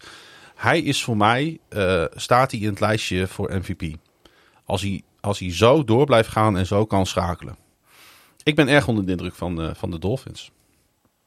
Ja, je Maar- had. eh, volgens mij had je ze niet op winst staan, maar dat Nee, omdat ik wel wist dat het een hele moeilijke wedstrijd voor ze zou Ja. worden. En juist daarom vind ik het zo knap dat ze hem wel gewonnen hebben. Een team eh, waar ik ook erg van onder de indruk ben. Ik, ik schat zo in dat het bij jou niet heel veel anders is, eh, Pieter. Dat eh, is voor mij op dit moment het beste team in de league. Dat zijn de Dallas Cowboys. Ja, Prescott. 31 uit 38 voor 255 yards, twee touchdowns en een 112,2 passer rating tegen de New York Jets. 10-30 werd het in ehm, Dallas. Ehm, wat ik opvallend vond trouwens, ehm, je ziet het niet zo heel vaak, maar de TOS werd gewonnen door de Cowboys en die kozen ervoor om gelijk te ontvangen. Je ziet toch meestal een defer. Ja, Uh, maar dit team heeft schijnbaar op dit moment zoveel zelfvertrouwen dat ze zeggen van wij willen gelijk het stempel op de wedstrijd drukken. Ja, en eh 12 plays later, 75 yards later, eh, staan de Cowboys ook gewoon op 7-0. Prescott 5 uit 5 in zijn eerste drive. Inclusief die 4-yard touchdown pass op tight end Jake Ferguson. Ja, er is eigenlijk niks af te dingen op dit team op dit moment. Het klopt aan alle kanten. als dit, eh, als dit heel blijft en bij elkaar blijft, dan, eh, ja, dan krijgt de rest van de, van de tegenstanders van de Cowboys dit seizoen een eh, behoorlijke kluif. Want wie gaat er winnen van deze Cowboys op deze Ja, manier? er is vast wel weer een, een Ja, zeven- weet ik, maar- 17-0 eh, zie ik niet gebeuren. Of tenminste, Maar snap je dat ik die vraag nu Ja, ja, eigenlijk al heb bij dit team? Want oké, eh, ze hadden met de Giants in week 1 niet de allermoeilijkste tegenstander. Het werd 40-0. Nu hebben ze 30 punten tegen dat andere team uit New York op het bord gezet. Eh waren eh, New York Jets fans die zeiden tegen mij... ja, zelfs Wilson moet toch meer uit deze aanval kunnen halen... dan 10 punten tegen de Dallas Cowboys. Dallas nou Cowboys, nee, ja. echt vergeet deze wedstrijd gewoon als je fan van de New York Jets bent. Want zelfs al hadden ze 15 punten gemaakt, of 20 punten, of 25 punten, hadden ze nog niet van deze Dallas Cowboys gewonnen. Ja, ik. ehm, weet je wat het eh, voor- komende programma is van, eh, van onze vrienden uit Dallas? nou, Cardinals. Eh, Daar beginnen ze straks mee. At Cardinals. Thuis tegen de Patriots. At 49ers. At Chargers. Thuis tegen de Rams. At Eagles. Thuis tegen de Giants. At Panthers. Thuis tegen de Commanders. Thuis tegen de Seahawks. Thuis tegen de Eagles. At Bills. At Dolphins. Thuis tegen de Lions. At Commanders. Dus nou, wie gaat ze stoppen? Ik denk een team uit hun divisie. ja, dat, zou, dat, dat zullen dan toch de Eagles of de Commanders eh, moeten zijn. Die ergens een wedstrijd eh, wegsnoepen. Of de Niners. Ja, want daar hebben we het natuurlijk al over gehad. Hè. Dat is natuurlijk de, de wedstrijd in de NFC om naar uit te kijken. Is ook een primetime game. 9 oktober. Ja, is dat de Sunday night, denk ik, hè? Ja, ze hebben NBC Sunday Night. Ja. Ja, dat, dat wordt een, eh, dat, ja, dat, dat is een wedstrijd om voor te gaan zitten. Ja, Maar even over Dak Prescott. eh, want eh, het is er toch heel lang net niet uitgekomen bij hem. En we moeten ook nog maar zien of hij het nu wel eens een keer kan in, in, in de postseason natuurlijk. Maar de York Jets hebben geen knakenverdediging, Pieter. nee. En hij voltooit gewoon zijn eerste 13 passes op rij. En de eerste twee scoring drives van Dallas snoepen ze al 12 minuten en 25 seconden van de wedstrijdklok af. Ja, dit is hoe je je wil oplegt aan je tegenstander volgens mij. Dit is een schoon voorbeeld van hoe je als coach eh, een wedstrijd wil beginnen. Eh, met natuurlijk die geweldige CD Lamb die de hele avond de secondary van de Jets heeft verslagen. 11 ballen voor 143 yards. Hij groeit toch wel uit tot een van de betere wide receivers in de league op dit moment. Sowieso, ja. Dat, eh, En er valt mij ook iemand tegen bij de Jets. Dat is Sauce Gardner. We hebben hem natuurlijk opgehoog, opge, opgehemeld iedere keer wanneer hij er stond. Maar hij staat er nog niet echt hè, de eerste twee weken. ja, misschien heeft hij nu wel zijn, eh, zijn, zijn, zijn sophomore Ja. slump. Zeg maar, het, het- je ziet het wel vaak, want hij zit, dit is zijn tweede seizoen. Eh, je ziet wel vaker dat, eh, dat het lastig is voor een speler. Hij had een eh, pik, hè? Hij had een pik in zijn handen. Ja, En hij liet hem gewoon weer vallen. En week 1 had hij dat ook. Dus ik, ik, of, ik wil nog niet na twee wedstrijden van een slomp spreken. Maar hij moet wel opstaan. Want hij is toch een van de, van de, van de sterkhouders van dit team Ja. natuurlijk. En ik, ik weet ook niet hoe, hoe dat komt. Maar, maar je ziet het wel veel vaker. dat, dat een speler die een, een geweldig eh, rookie seizoen kent. Dat hij, eh, want ja, Gardner is toch een, is nu sinds het Tweede jaar. Ja, hij Ja. was vorig jaar rookie. Ehm, maar dat, dat het in het tweede jaar dan toch wat minder gaat. En of dat dan is omdat ze dan, ehm, kijk, misschien denken ze wel van, joh, ik eh, ben in mijn rookiejaar ben ik een van de beste spelers op een positie. I got this. En dat ze misschien er toch iets minder hard voor werken. Of dat ze denken dat het allemaal net wat makkelijker is dan dat het in werkelijkheid is. Eh, ehm, kijk, rookies, daar weten tegenstanders natuurlijk ook nog niet zoveel van. Totdat ze de tegenspeler ondertussen hebben ze een heel offseason gehad om iedere snap van Sauce Gardner te bekijken. Dus receivers weten eh, ook een beetje hoe, hoe hij verdedigt en wat ze er tegen kunnen doen. Hij krijgt Ik- nog steeds, er komen nog steeds weinig ballen zijn kant op. Ja, Alleen die ballen die zijn kant op komen, die waren vorig jaar allemaal voor hem. ja en, dat En, is en nu, dit jaar nog niet. Nee, Dus ik, eh, ik, ik, nou ja, goed, eh, ik wou het toch even benoemen, want eh, ik vind dat we ook af en toe kritisch mogen zijn in deze podcast. Die jongens luisteren toch niet. Ehm, Hoezo denk jij dat ze niet luisteren? Ja, omdat ze niet zo goed in Nederlands zijn. Uh, dan laten we toch lekker zo'n zo'n automatische Google Translate meelopen of zo. Kan dat? Kan het ook met audio? Ja, dan laat je het AI doen. Ja, dat is waar. Hey, Hey, chat, ChatGPT, eh, vertaal eh, die podcast even voor me, dankjewel. Het lijkt misschien normaal, hè, 30-10. Maar eh laatste wat ik over deze wedstrijd wil zeggen. De laatste keer dat de Jets eh 30 punten of meer tegenkregen, was week 2 vorig jaar. Dus zo goed is deze defense van de Jets. En zo knap is dus ook weer deze prestatie van Dallas. Eh, een team wat zich wel gerevancheerd heeft, Pieter. Wat wel heeft laten zien wat ze in huis zijn. En dat hadden we ook al een beetje voorzien. Dat zijn eh, de Buffalo Bills. Jawel. Want die eh, versloegen de Las Vegas Raiders, die zo verrassend hè, in week 1 ook wonnen met eh, 38-10. En ehm, ja, echt paniek was er natuurlijk niet na die nederlaag tegen de Jets. Maar eh, ik, eh, ik vond Josh Allen er geweldig uitzien. Dit is de Josh Ja. Allen die ik wil zien. Ja, nou, dit is ook een beetje wat, eh, wat, eh, wat we vorige week voorspeld hebben. Ja. Van joh, eh, Josh Allen die gooide drie intercepties en, een, en hij verloor een fumble. Dus vier turnovers in een wedstrijd. Nou, dat gaat hij echt... hij is turnover prone, maar hij, hij, over het algemeen concentreert hij dat eh, in, een, in, een, in een voor hem slechte wedstrijd. En daarna dan is hij gewoon weer gewoon goed. Nou, dat Nou, was het ook. Hè. Hij, en dat hij- heeft, hij, heeft hij waargemaakt. Eh, hij- Dankjewel. Hij, hij luistert misschien wel ook. Ja, hij wel, want hij drong dit keer niet aan op de junk plays. Maar hij nam steeds hapjes. Hij nam de hapjes die Las Vegas hem bood. Dus dat zijn de slimme eh, quarterbacks. Alle drie de tailbacks van de Buffalo Bills hebben geproduceerd. Ellen had een connectie met negen targets. En elke Buffalo touchdown werd gescoord door een andere speler. Ik hou er altijd van om die veelzijdigheid in een team ook in de scores eh, naar voren te zien Ja. komen. Want het is allemaal leuk en aardig hè, dat Tyreek Hill eh, misschien eens een keer vier touchdowns in de wedstrijd vangt. Of vijf. Maar ik heb liever dat het team als geheel laat zien dat ze met Spread elkaar kunnen... the wealth. sp- ja, spread, Spread the, the wealth. wealth. Wij zijn socialisten, wij eh, zijn links. Ja. Dus wij vinden dat iedereen eh, een beetje mag in plaats van eh, een paar mensen alles. Ja. Dus alle kudos voor de Buffalo Bills die gewoon weer hebben laten zien dat ze echt Ja. kunnen meedraaien in de top van de AFC. Tegen natuurlijk wel een van de zwakkere broeders uit de NFL. Ze hebben een hele week, de Las Vegas Raiders, hebben ze met elkaar in de eh Allegheny Mountains. Heet dat zo in West Virginia?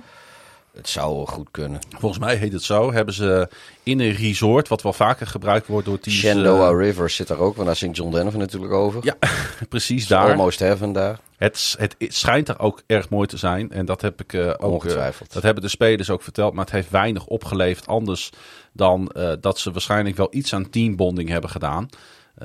Want eh, de Raiders eh, gaven de bal in deze wedstrijd negen keer aan Josh Jacobs. En de regerend rushing kampioen van de NFL eindigde met min 2 yards in deze wedstrijd. Ja, dat vertelt natuurlijk al eh, voor een groot deel het verhaal van de eh, Raiders in deze wedstrijd. En dan kun je, kun je nog zo leuk met elkaar op trainingskamp gaan. Maar ik denk dat die jongens ondertussen gewoon heel graag eh, weer gewoon in hun eigen bed willen liggen. Wat, wat ben jij voor? eh, voor dit soort midweekse trainingskampen in de NFL? Of eh, zeg jij van laat die jongens lekker eh, naast hun eigen vrouw liggen? Ik, ja, ik snap, ik, deze ben ik wel voor, want je gaat natuurlijk, je hebt bij de Broncos gespeeld en ja goed, dat is De- Denver en Las Vegas is ik denk dat Denver al een uur, dat zou mountain time zijn. En Las Vegas is denk ik nog westkusttijd. Dus dan ben je al, heb je al, ga je wel tijdverschil hebben. En daarna moet je naar de Bills, heb je nog meer tijdverschil. Dus dat je dan niet teruggaat en weer heen gaat. Ergens snap ik dan ook wel dat je, dat je zegt van nou fuck it, weet je. We gaan gewoon, uh, we gaan gewoon nog verder uh, die kant op. Um, het is wel vroeg in het seizoen om het Ja, te doen. Want je hebt natuurlijk net, ik uh, weet ik hoe lang op kamp gezeten. Maar ja. Kijk, als, als ze hadden gewonnen, hadden we gezegd van, joh, wat een briljant idee, man.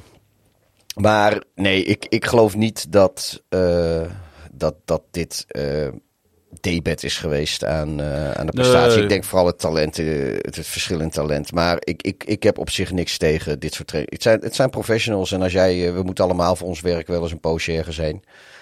En ja, die jongens krijgen genoeg betaald. Kun je ook een keer een nachtje niet thuis staan. En laten we ook niet doen alsof ze in een of andere raar motelletje in the middle of nowhere zitten met, met, met bloedvlekken in een matras en, en, en, en eh lijksilhouetten op de vloerbedekking. Eh, ze zitten echt wel in een prima hotel. Zo. Het, is, het is niet dat ze het zwaar hebben of zo.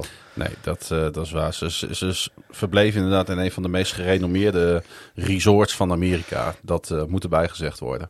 Hey, ehm, een team wat, ehm, eh, ja, ik, ik had ze eigenlijk ook kunnen noemen natuurlijk. Wat wel echt, als je kijkt naar hun record, ongelooflijk teleurstelt tot nu toe. Dat zijn eh, de Los Angeles Chargers, Pieter.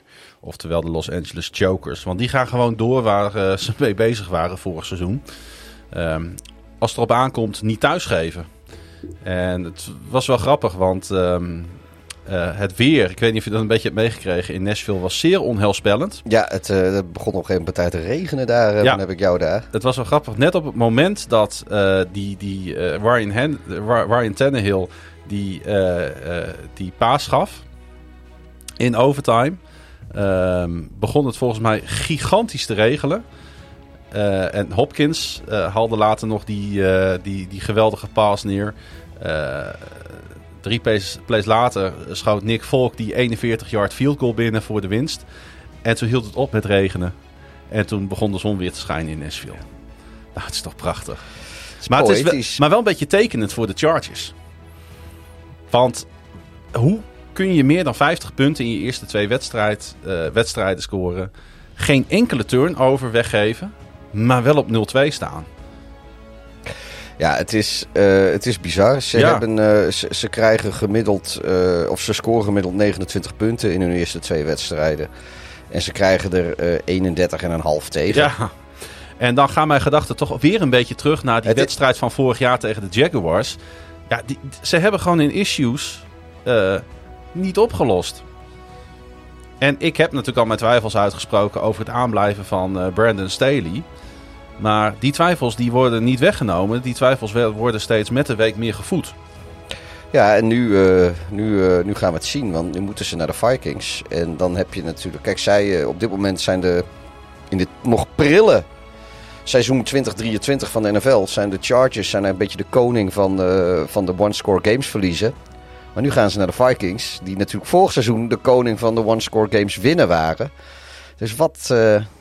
eh, dat, eh, Deze- vuurwerk gegarandeerd, Dat denk ik ook. Maar eh, de conclusie ook, de verdediging van de Los Angeles Chargers is zo lek als een mandje, is loszand.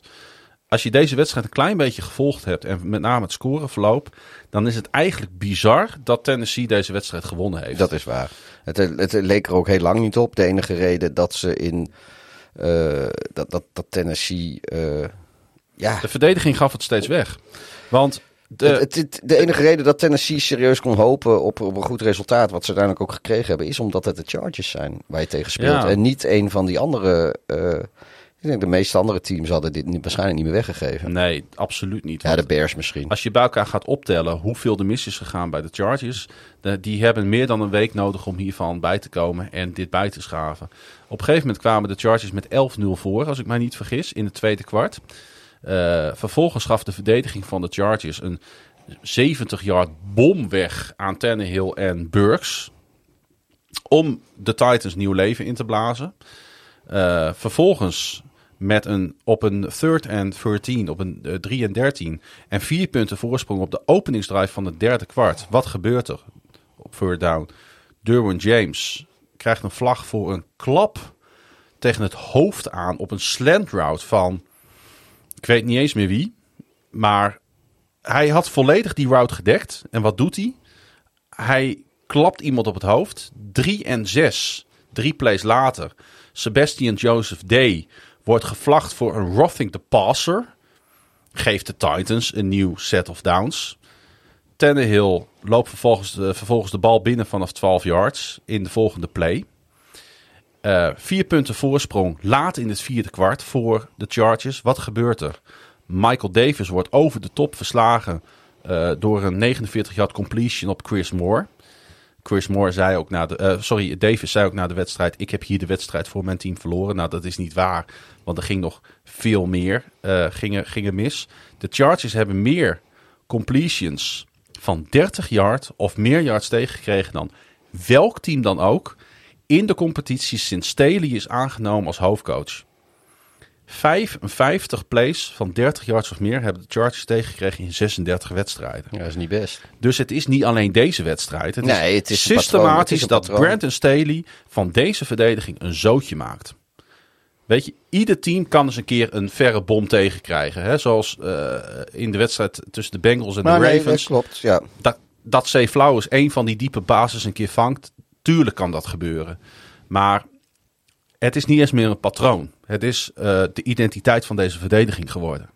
Ja, ja dat, dat, en ik snap ook niet dat ze dat uh, niet op een gegeven moment... Kijk, dat dat... dat in is een seizoen, slechte coach. Punt. Als dat een seizoen zo is, dan... Uh... Weet je wat hij op een gegeven moment ging doen, deze wedstrijd?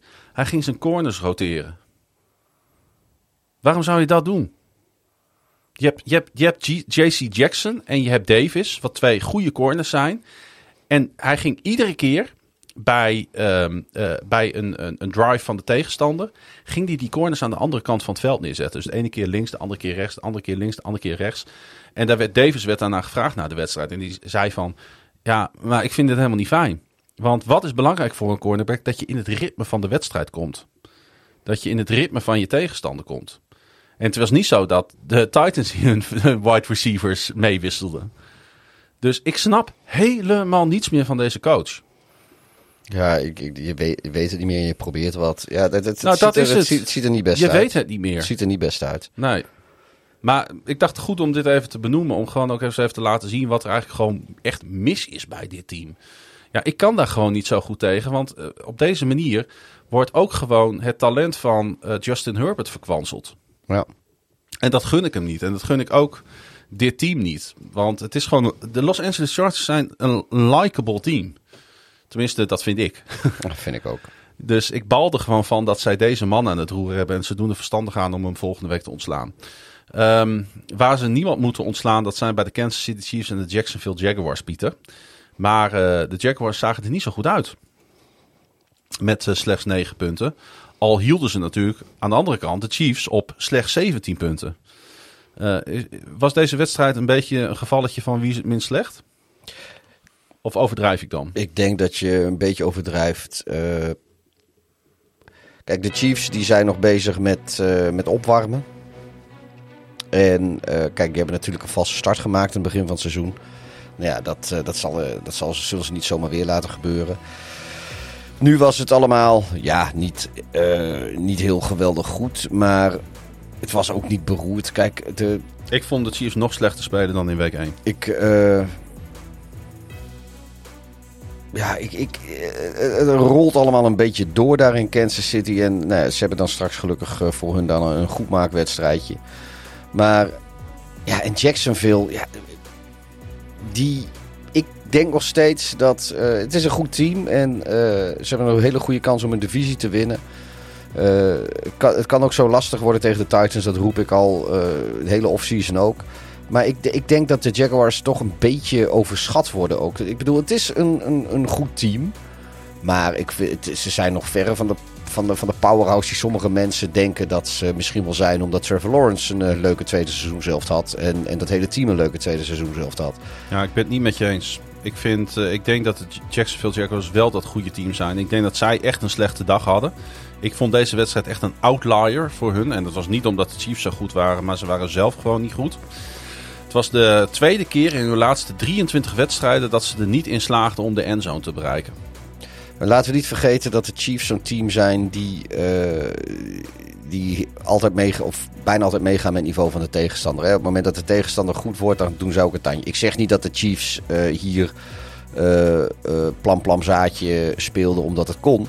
Maar de, Chiefs zijn wel het team dat zich optrekt aan het niveau van de tegenstander. En als de tegenstander niet te veel brengt, dan doen zij het is, zij, de Chiefs zijn niet het team die 50-0 winnen van een knakenteam of, of 50-10, weet je wel. Dat, dat doen ze niet. Als zij tegen een tegenstander spelen waar ze denken niet veel te vrezen van te hebben, als de wedstrijd zo verloopt, dan maken de Chiefs daar meestal niet een hele high-score game van. Als de tegenstander uh, punten blijft scoren tegen hun, omdat die gewoon goed spelen, dan gaan de Chiefs ook weer scoren. Dan, dan, de Chiefs die hebben die van die high-scoring games, die winnen ze met, met 43, 40 of, of zoals destijds een keer tegen de Rams. Uh, wat was dat toen? Uh, 53, 50 mm. of 51, 54, zoiets.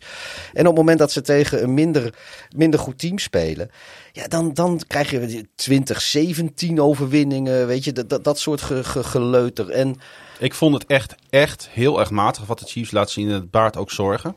Ik vond het ondermaats. Ik vond het eigenlijk in week 1 ook ondermaats. Een gemiddelde van 18,5 punten.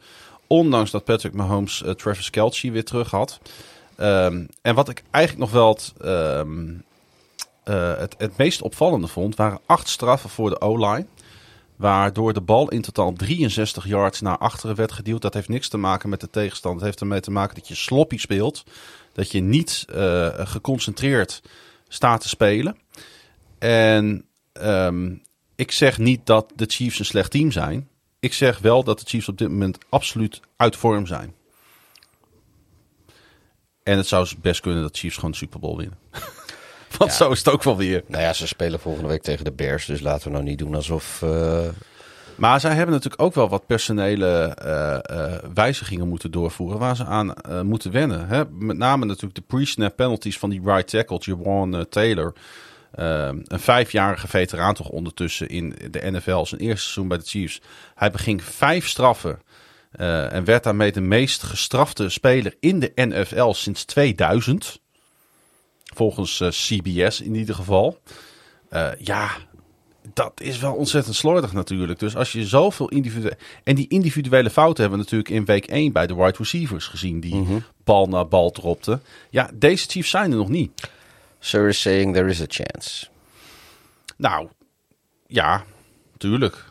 Maar nee, ik, ik, nee weet je, Ja, deze ik- twee teams hebben gewoon deze week allebei ongelooflijk teleurgesteld. Ik, ik, ik moet ook zeggen, ik vind de, de Chiefs en de Jaguars, dat is ook geen lekkere matchup. Eh Want die, die, die Eh, voor- playoff-wedstrijd was ook stroef, Vo- hè? Ja, vorig jaar. vorig seizoen wa, Ja. wa- wa- weet, het, het, het, was het ook niet spectaculair eh, tegen elkaar. Dan, dan, dan komt er komt er eigenlijk ook nooit uit wat je ervan verwacht. Ehm, ja, weet je, het is, uiteindelijk is het gewoon het team waarvan je verwacht dat zou winnen, wint deze wedstrijd. Want eh, hoe je het ook bent of keert, de Chiefs zijn gewoon eh, op, eh, op, op het gros van de bepalende posities een beter team dan, dan de Jaguars. Ja, ik vraag me dat af. Eh, normaal gesproken zijn ze ook een beter gecoacht team dan de Jaguars. Het ook, en ook dus als de Chiefs slordig spelen en het allemaal niet lukt, dan nog hebben ze relatief weinig moeite met de Jaguars. Het is de makkelijke route voor mij om met jou mee te gaan en om te zeggen dat ik het helemaal met je eens ben dat de Chiefs de grote favoriet zijn voor de Super Bowl in de AFC.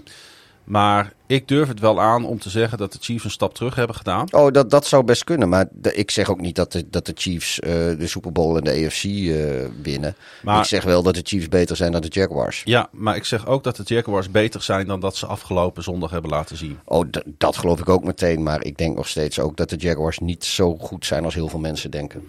Geldt dat ook voor de Washington Commanders? Dat die niet zo goed zijn als wij nu denken met hun 2-0 record? Ja, Want? Ik weet het niet. Ik, eh, ik weet niet waarom. Dat is gewoon een gevoel wat ik heb. Ik ben, eh, ik, ik, ik voel de, eh, ik voel de mensen niet, maar de- ik voel de Broncos ook niet. De Commanders waren nooit een team die... Want er was natuurlijk een gigantische comeback-overwinning in, in Denver. De, de Commanders zijn nooit een team geweest de afgelopen 10, 20 jaar... die uit, dus buiten Washington, eens een keer zo'n verrassing neerzetten. Eens een keer zo'n comeback neerzetten. Nee, dat klopt. Dus echt voor het eerst sinds ik mij kan heugen dat Washington dit buiten hun eigen stad gedaan heeft.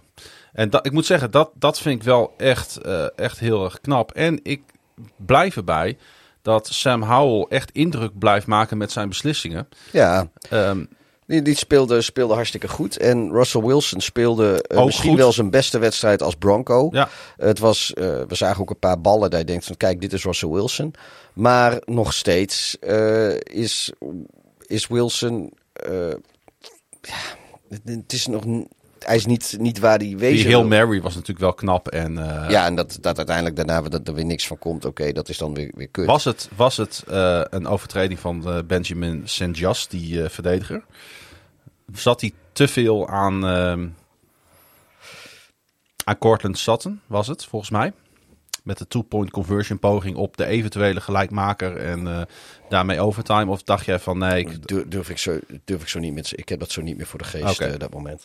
Nou ja, het was op het randje, laten we het zo zeggen. Maar ik vond eigenlijk wel sterk dat de scheidsrechters de vlag eh, niet gooiden. Eh, maar het is wel voor het eerst sinds 2011 dat de Washington Commanders met 2-0 het seizoen beginnen. Ja. Eh, Rex Grossman, jou niet eh, he- geheel onbekend was toen de startende quarterback in DC dat seizoen. Sexy Rexy. Ze zien dat seizoen liep overigens niet goed af voor Washington. Zijn, zijn legendarische uitspraak is fuck it, I'm throwing deep. Ehm, maar dat is Rex Grossman. Nee, maar ik, laten we ook... ik, ben ook nog steeds niet onder de indruk. eh, kijk, en ik snap ook wel dat, dat, dat het niet in twee wedstrijden helemaal omgezet is. Maar eh, Sean Payton, daar ben ik ook nog niet helemaal van onder de indruk. Hij zal het ongetwijfeld beter doen dan Nathaniel Hackett. eh, dat Broncos hadden deze wedstrijd nooit mogen weggeven. Maar het feit dat hij dat ja, het feit dat dat dat, dat dat de Commanders zo terug kunnen komen en de Broncos het zo weggeven. En ondertussen zijn ze ge- gewoon 0-2 die Denver Broncos. Eh, ook al eh, is Wilson eh, wat beter. Nou ja, goed, dat is als je vorig seizoen in ogenschouw neemt ook niet heel lastig om beter te spelen. Er zat wel trouwens een bepaald moment in deze wedstrijd. De Broncos zitten niet goed in hun secondary. Heel veel blessures hebben daar. Broncos safety Kareem Jackson is geëject in deze wedstrijd. Na een personal foul, unnecessary roughness. Een klap op het hoofd van Commander end eh, Thomas. In het tweede kwart. En eigenlijk vanaf dat moment eh, ging het minder lopen bij de Broncos. Dus dat een bepalende speler in jouw secondary zo'n eh, schandalige overtreding maakt, het veld wordt uitgestuurd, kan dus wel zo'n wedstrijd eh, helemaal over Ja. de kop gooien. En dat is natuurlijk wel zorgelijk dat ergens nog steeds deze Broncos dus niet op één lijn met elkaar zitten. De schijn, Want waarom zou je dit doen? ehm, dat je, dat Omdat je niet goed bij je hoofd bent. Vlaag van verstandsverbijstering, ja. weet je. Eh, nou, kijk, er zitten natuurlijk heel veel spelers met, eh, met korte lunch in NFL. En bij alle teams zie je het wel eens gebeuren. Kijk, niet iedereen is een Fonte Perfect. eh, zo erg is het ook weer niet bij iedereen. Maar De Broncos hebben nu nog maar, hebben, hadden op het moment dat hij werd weggestuurd, maar één gezonde safety op hun, op hun depth chart staan. ja, Nou, dat benadeel je je team wel heel erg natuurlijk. Ja dus, eh, En daar, handig. en daar maakte eh, de, de, de Washington Commanders echt heel goed gebruik van. Want Ja. al, alle plays gingen, doen, eh, gingen toen natuurlijk door het midden. En wij staan op de foto met, met Ron Rivera. wij staan op de foto met Ron Rivera, inderdaad. Altijd een goede manier om een wedstrijd van de Commanders mee af te sluiten. Hey, de Indianapolis Colts en de Houston Texans, Pieter. eh, 31 tegen 20. Eh, en ja, helaas zagen we tijdens die wedstrijd natuurlijk Indianapolis quarterback Anthony Richardson uitvallen met een hersenschudding. Ik vond het wel stoer dat hij zelf eh, van het veld afliep. Hij, eh, hij kreeg een hit, heeft nog even doorgespeeld. En heeft toen zelf op een gegeven moment de beslissing genomen van... ja, ik wil me nu laten onderzoeken. Want eh, het, zou wel eens, eh, het zou wel eens wat erger kunnen zijn als dat we eerst dachten. En dat bleek ook zo te zijn. Want het bleek uiteindelijk ook een hersenschudding te zijn. En die Slim. beslissing Ja. heeft hij zelf genomen. Daar heb ik wel Slim veel respect dapper, voor. ja. Want dat is niet iedere speler eh, gegeven. Voordat hij eh, zelf van het veld afliep, eh, rende hij wel weer even twee touchdowns binnen, Pieter. En we zien wel vlagen van deze jongen waar ik wel vrolijk van word. Het is wel echt leuk om naar te kijken, maar je ziet nu al natuurlijk de duurzaamheid van deze quarterback. Ja, Ja. Ze, hebben het, ze hebben het natuurlijk eerder, ja, ze hebben het natuurlijk eerder meegemaakt bij deze franchise met, met Andrew Locke in. Ja, ik ga niet nog een keer diezelfde rant houden. nee, nee, dat hoeft, dat hoeft Nee, nee, niet. nee, maar ik bedoel, de, ik bedoel te zeggen van, van ja, de, de, de- wat dat betreft zijn de Colts weer gewoon aan het kutten. Ja. ja, laten we hopen dat deze jongen niet hetzelfde, dezelfde toekomst eh, eh, gegeven is. Want dan, eh, dan ziet het er niet goed voor hem uit. Uiteindelijk winnen de Colts wel met Gardner Minshew. Die de wedstrijd in het slot gooit voor eh, de eerste Speelde- overwinning speelde voor best, Shane eh, Steiger. speelde- best goed, hè? als inval. Ja hoor. Ja, ben ik met je eens. Ehm, en eh, ze leiden natuurlijk ook al met 18 punten bij rust. Hè, mede dankzij die Ja. twee touchdowns van Richardson. Dus de basis was al gelegd. En ik moet eerlijk zeggen dat de, dat de Houston Texans mij enorm tegenvielen ten opzichte van wat ik had gezien van ze in die eerste wedstrijd tegen Baltimore. Dus daar was niet een soort van next step of zo. Ja, Houston is gewoon weer niet een goed team. Nee, dat eh, ben ik met je eens. De Saints en de Panthers speelden gisteravond ook. eh, Monday Night Football tussen aanhalingstekens. Het was een double header. En de Saints trokken uiteindelijk toch wel moeizaam met 2017 aan het langste end.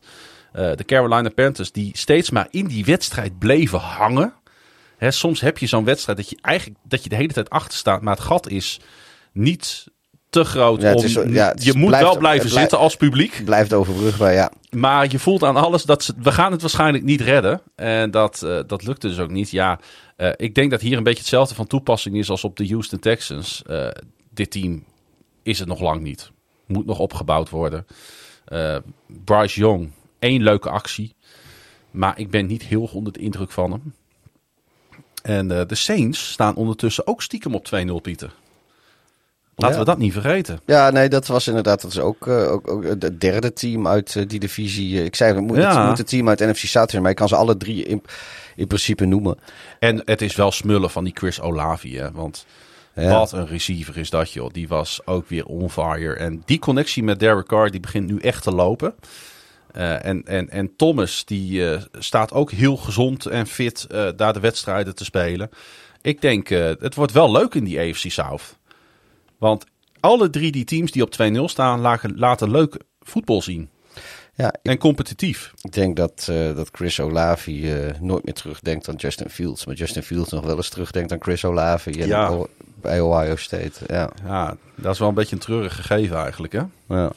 Maar eh tweede helft kwam de aanval van de Saints tot, tot leven. En ik weet niet of je hem gezien hebt, maar in het derde kwart maakte Chris Ik heb deze van- wedstrijd eh, niet gezien. hij maakte echt een van de eh, meest memorabele catches nu al van het prille NFL-seizoen. Een, ehm, een one-handed eh, grab was het. Een diepe bal op third en seven voor een 42-yard gain. En ehm, in het vierde kwart wist Carr ook nog eens Rashid Shaheed te vinden voor een, ehm, op een 2 en 11 voor een 45 yard diepe bal. Ja, dat zijn dan toch weer een beetje die big plays die je toch in New Orleans een beetje verwacht, hè? Ja. Toch, eh, ja, ik, ik, ik, ik heb die wedstrijd dus niet gezien, afge- afgezien van, van nog geen minuutje aan highlights. Eh, de cijfers van Carr zijn niet echt heel denderend of zo, als ik dat eh, zo zit te kijken.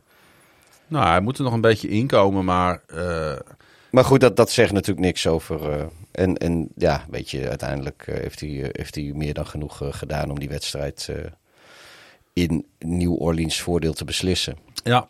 ja, maar ik denk dat ze ook in New Orleans toch wel een wenkbrauw optrekken. Dat ze niet hadden verwacht dat, dat zowel Tampa Bay als Atlanta ook op 2-0 zou staan. Dat ze dat zelf zouden staan met deze twee wedstrijden hadden ze misschien wel ingevuld. Maar dat het nu echt een battle wordt hier in, in deze divisie, ja, is wel leuk. Ja, ja het eh, houdt, houdt het weer interessant. Eh, De, de, de drie van de vier teams in de door iedereen op voorhand zwakste, tot zwakste divisie gekroonde eh, Ja. eh, divisie in de NFL. Die eh, ze hebben gewoon zijn ongeslagen nog. Ja, op de Panthers natuurlijk dus na. Die eh, ook nog eens een eh, behoorlijke tik te verwerken kreeg toen linebacker Shaq Thompson, toch wel een van hun betere spelers daar in de verdediging, aan het eind van het eerste kwart al moest vertrekken met een eh, enkel blessure en eh, niet terugkeerde. Eh, de langspelende Panther is dat trouwens.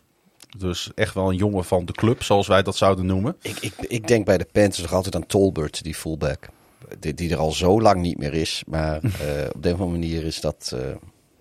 en natuurlijk ook is er ook een plaatsje in deze mooie provincie.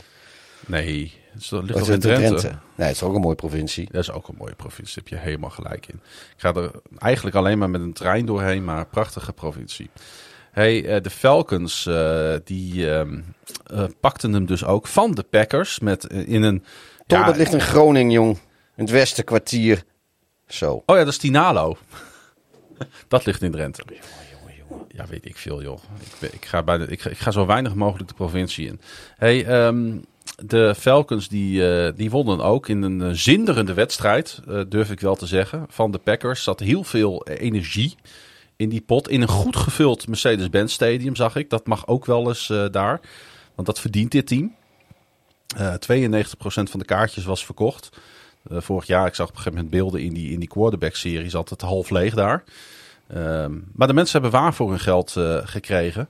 Want het was eh Jong Woo Koe. Hoe heet hij ook alweer? Jong Ho Koe, toch? Jong, hoe, hoe. De kikker met de beslissende 25-yard field goal met nog 57 seconden te gaan. En ik, eh, eh, hier zit ook eh, mijn biertop, Pieter, in, in deze wedstrijd. Jij weet al wie het is. Ik heb al tegen jou gezegd. Het is Bijan Robinson.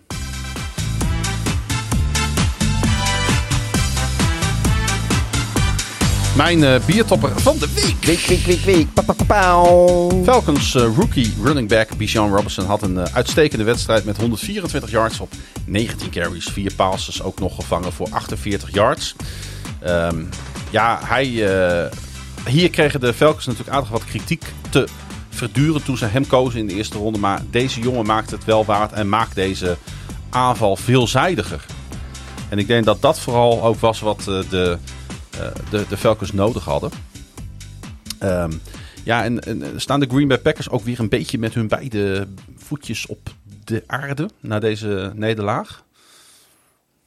Eh, ja, dat durf ik nog eh, niet te zeggen. Ik weet je, eh, ik vond de Packers niet eh 38-20 goed. Te- te- eh, zoals ze tegen de Bears speelden. Eh, ze natuurlijk speelden ze goed. Eh, nu ja, zag het er allemaal wat, minder uit. Terwijl ik helemaal niet eens weet of ze wel zoveel eh, minder speelden. Ja, kijk, de, de, de, ik, ga, ik ga de Packers niet kronen, als ze week 1 dik winnen van Chicago. En ik, ik ga de Packers niet naar de laatste plaats van de divisie bonjour op het moment dat ze de week later weer verliezen. De Packers zijn denk ik gewoon een, eh, een gewoon heel gemiddeld team. En eh, meer niet. Want eh, wat mij opviel in die wedstrijd tegen de Bears is dat ze de run van de Bears goed wisten te stoppen. En in deze wedstrijd lukte dat helemaal niet. En dat is toch een beetje een, een oude wond die daar de kop op steekt. Want dat was natuurlijk wel een beetje het probleem van de Packers van vorig jaar. Ze konden nergens de run stoppen. En eh, ja, natuurlijk, Bijan Robinson is, is, is, is een groot talent. Maar in het vierde kwart hebben ze daar toch wel een beetje eh, de wedstrijd op verloren. Want de Packers hadden een voorsprong van 12 punten in, in deze pot. En het was echt een, lekkende verdediging in, in het vierde kwart. En een, een aanval die niets meer van de grond eh, eh, kreeg opeens. Ik, dus ja, je voelt wel dat er muziek in deze Packers zit. Maar ze hebben ook een plafond. Ik denk dat dat een beetje het verhaal van, eh, van Green Bay is. eh, eh, voor deze, voor, niet alleen voor deze wedstrijd, maar misschien ook wel voor dit seizoen. Ehm, de Bears, at de Buccaneers, Pieter. Ja. 1727 eh, werd het uiteindelijk. En ehm, ik zei het al aan het begin van deze uitzending. Ik heb niet eens het idee dat er geen vooruitgang in Justin Fields zit. Maar er zit misschien zelfs wel achteruitgang in. Ja, het is, het is, ik, ik weet niet precies wat ze, wat ze allemaal aan het doen zijn eh, in Chicago. Eh, ik weet ook niet eh, waar, de, waar de oorzaak ligt. Of dat bij de hoofdcoach ligt, of bij de, bij de, bij de coordinators, of bij de quarterback, of, bij, of overal. Misschien moet wel hoger in de organisatie kijken. Fields hebben ze na een aantal wedstrijden in het vorige seizoen... hebben ze die iets anders hebben ze de, de wedstrijden aangevlogen. Eh, en in één keer eh, werd hij eh, een van de, de revelaties van het seizoen. Voordat ik weer relevatie zeg. Mag ik denk ik wel zeggen. En ze zijn nu weer helemaal terug naar hoe eigenlijk met Nagy nog eh, in zijn eerste jaar met, met, hem, met hem omging. En, en ja, Fields die houdt daar niet van, die kan er niks mee. Die staat daar een beetje als een, als een hertje, staat hij daar een beetje besluiteloos uh, groot om zich heen te kijken. Uh, of met grote ogen om zich heen te kijken. En iedereen ziet wat, wat en hij ziet het niet. Hij mist al zijn open receivers. En uh, ja, het, het, het, wordt een beetje een, een, een, een, een, een lastig verhaal op deze manier. Kijk, als je en los van deze wedstrijd, het is ook iets om heel moedeloos van te worden. Want wat, wat moet je doen? Oké, nou stel, uh, stel de Bears doen het hartstikke slecht dit seizoen. We winnen drie wedstrijden, hebben weer, hebben weer de first overall pick. Nou prima, hebben die Caleb Williams. Nou, die Caleb Williams gaat waarschijnlijk zeggen van Chicago, fuck you, daar wil ik echt niet heen. Want dat zou ik zeggen als ik Caleb Williams was. Uh, die heeft al aangegeven dat als een team waar hij niet heen wil, als die hem wil draften, dat hij gewoon een jaartje extra college blijft spelen en het uh, een jaar later wel gaat proberen. Nou, ik uh, kan me goed voorstellen dat Chicago zo'n team is waar hij niet heen wil, zo langzamerhand. Uh, en kijk, het, het, is hetzelfde met, met, met Trubisky en het is hetzelfde wat, wat, wat met Fox daarvoor. er, er, komt, er zit een, een general manager. Die zit daar uh, met een quarterback die niet zelf gedraft is. De coach heeft een quarterback die niet zo gedraft is. En er komt nooit een keer een, een, een andere situatie. Want ik, je kan het nu al haast weer, weer gaan uittekenen dat als de Bears inderdaad het slecht gaan doen en Fields, dat, dat is het allemaal niet. Die, die speelt de rest van het seizoen zoals hij de, dit, de eerste twee wedstrijden speelde. Ja, dan eh, alle kans dat de Bears volgend jaar een quarterback gaan draften. Want ze hebben natuurlijk ook nog die pick van de Panthers. Dus uh, first round draft kapitaal hebben ze wel. En of dan Caleb Williams wordt of iemand anders, dat doet er dan niet toe. En waarschijnlijk krijgen dan uh, de, de, GM en de coach, weet je, van nou, weet je, dan kunnen ze nu een keer proberen met een quarterback die zij gedraft hebben. Maar je moet volgende week al, volgend jaar al over zijn fifth year option gaan beslissen. Ja, da daarom, daarom. Dus we gaan er even vanuit, Fields, dat, dat is het dan niet, even in deze hypothetische situatie, die waarschijnlijk zo waarheid kan worden. Dus gaan ze dan maar de, de vervanger van Fields draften. Dan hoeft die fifth year option niet te geven. En huppatee, leuk, uh, leuk, leuk project, maar uh, bedankt voor, uh, voor de leuke highlights, maar beste maar weer. Dan komt er een nieuwe quarterback. Wie dat ook is, maakt niet uit. Nou, dan, dan geef je de uh, Ryan Pauls en Matt Eberflus. Ja, die moet je toch ook een kans geven met een quarterback die ze zelf gedraft hebben. Die voldoet aan hun profiel. Ja, en dat gebeurt dan één of misschien wel twee jaar. Nou, dat blijkt dan uiteindelijk ook gewoon een dikke troep te zijn. Dat gaat niet werken. Dus heb je tief je coach eruit, misschien tief je GM eruit. Nou, dan komt er een nieuwe GM met een nieuwe coach. Die hebben dan weer een quarterback geërfd die ze niet zelf gedraft hebben. En begint hele gesodemiet van vooraf aan opnieuw dat is een beetje wat, uh, wat er gaat gebeuren, denk ik. Ja, dit is dus ook wat uh, geen stabiliteit binnen je organisatie doet met een team. Nee. Kijk, en uh, voor hetzelfde geld weten ze het wel op te lossen hoor. Ik, ik hoop het van harte. kijk, ik denk nog steeds dat Fields een prima NFL-quarterback kan zijn. Dat hebben we gezien. Ik weet ook dat Fields die kan heus wel ballen, ballen gooien. Dat kan hij wel. Dat hebben we gezien ja, bij Ohio State, maar ook voor de Bears al wel. Maar ik vind het best wel maar zorgelijk. Ze, ze, maar al die designed runs, zeg maar, die ze vorig jaar hadden. Ja, op een gegeven moment leunen ze daar te veel op. Maar er is niks, daar doen ze niks mee. En sowieso twee screens achter elkaar vanuit, vanuit de eigen endzone. Die ene, die, uh, die komt dan terug van, vanwege een penalty. Waren het er niet eigenlijk dan? drie? Uh, nou, ze hebben vaker, ja, zo zou je het ook kunnen zien. Ja. En dan doen ze het gewoon. Maar de, de, die, die twee achter elkaar van tweede gezin waren exact dezelfde play. Ja. Exact, exact hetzelfde. Allezelfde posities, alles was hetzelfde. Ja, ja, goed, dan kun je discussiëren of Fields die pick wel of niet moet gooien. Of dat hij gewoon op een gegeven moment moet zeggen: Weet je, ik ga gewoon op mijn kont zitten en zo krijg ik nog safety tegen. Kan mij nog schelen allemaal. Ben er klaar mee. Dat had je ook kunnen doen. Um, maar hoe hoe kom je daarbij? Sowieso een, een screen met je kont in de endzone. Weet je, druk die bal in de handen van een van je running backs. Of desnoods ga je met Fields aan de show. Hoewel ik dat iets te riskant zou vinden in die situatie. Maar goed, je weet het niet. Of uh, geef die bal een uh, fucking rotslinger naar... Uh,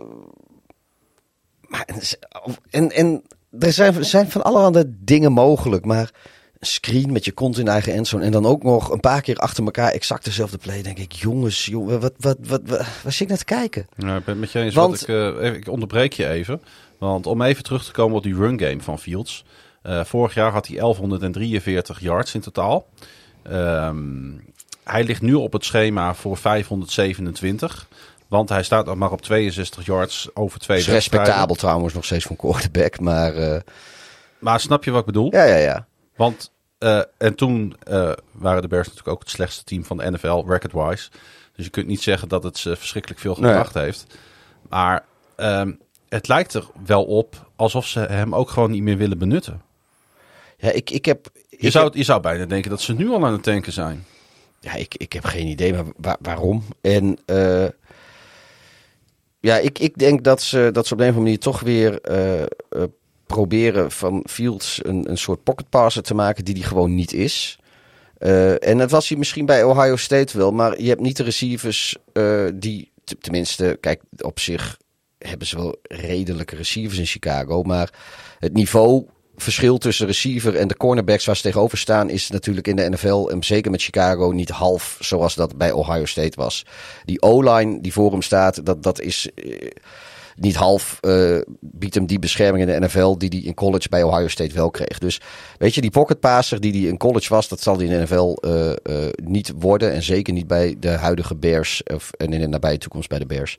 Dus, dus dat is het niet. Dus jongen, maak gewoon weer, weer een, een, een gameplan zoals je dat vorig jaar deed. En ik weet zeker, als jij eh, wat designed runs zoals je dat vorig jaar ook deed. Als je die erin gooit, dan gaat Fields zich ook wat lekkerder voelen. Dan gaat zijn passing game gaat er ook op vooruit. En dan heb je inderdaad gewoon nog DJ Ja. Moore en weet ik veel wat. En dan kun je dat afwisselen. Dat komt allemaal goed. En Fields hoeft geen 400 yard in een wedstrijd te gooien. Of, of 6000 of 5000 of zelfs maar 4000 passing yards Nee. seizoen te hebben. Hoeft allemaal niet. Maar Laat die man gewoon 1000 yard rushen, 3000 yards passen. En, en dan, dan staan de Bears in de playoffs waarschijnlijk. dan kom ik even terug op die, eh, op die afgemeten aanval van de Ravens. Met een quarterback die gewoon tussen de 200 en de 250 yards gooit in de wedstrijd.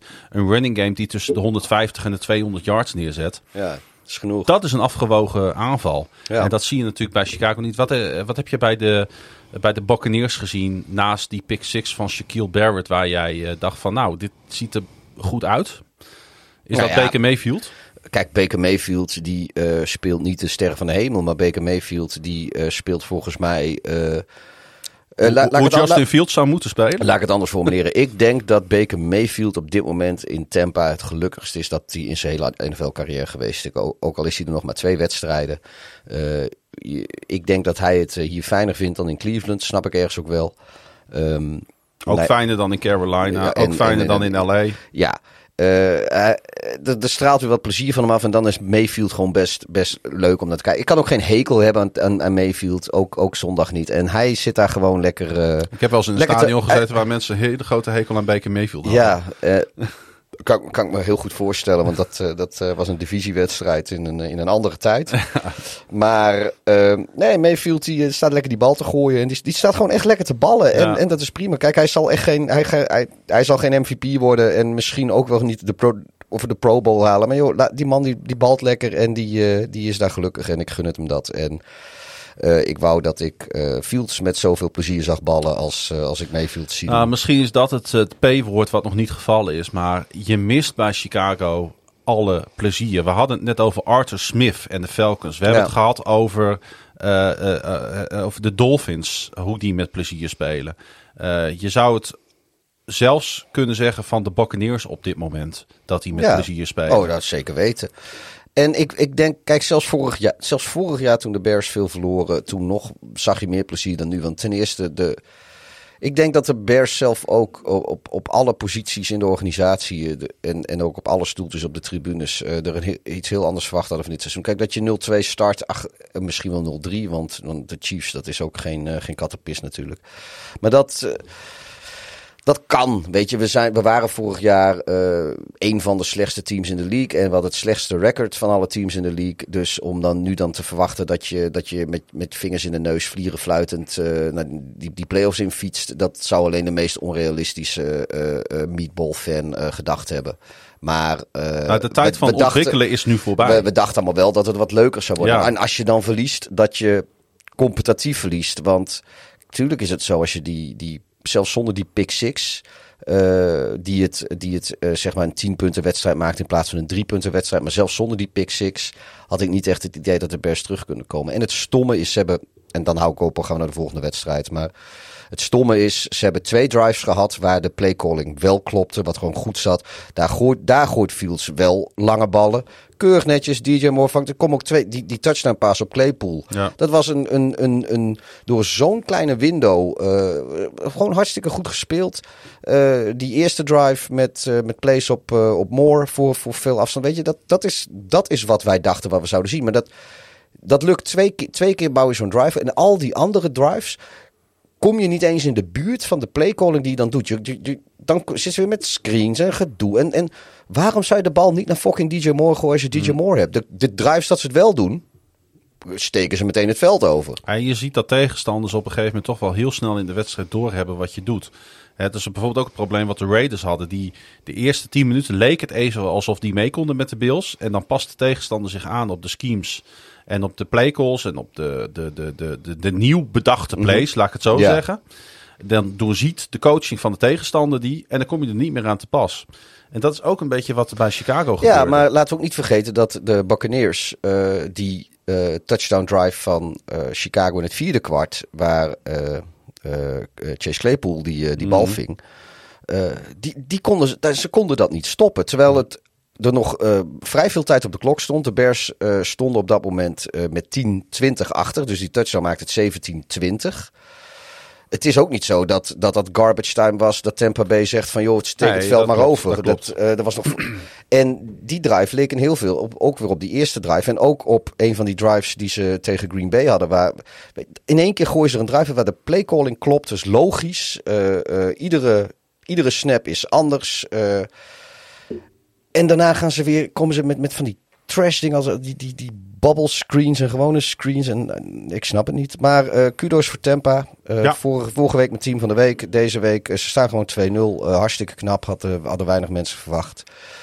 Terechte winnaar. Absoluut. Ik denk misschien wel een van de leukste wedstrijden van afgelopen weekend. De Seahawks en de Lions, Pieter. Een ontzettend spannende game.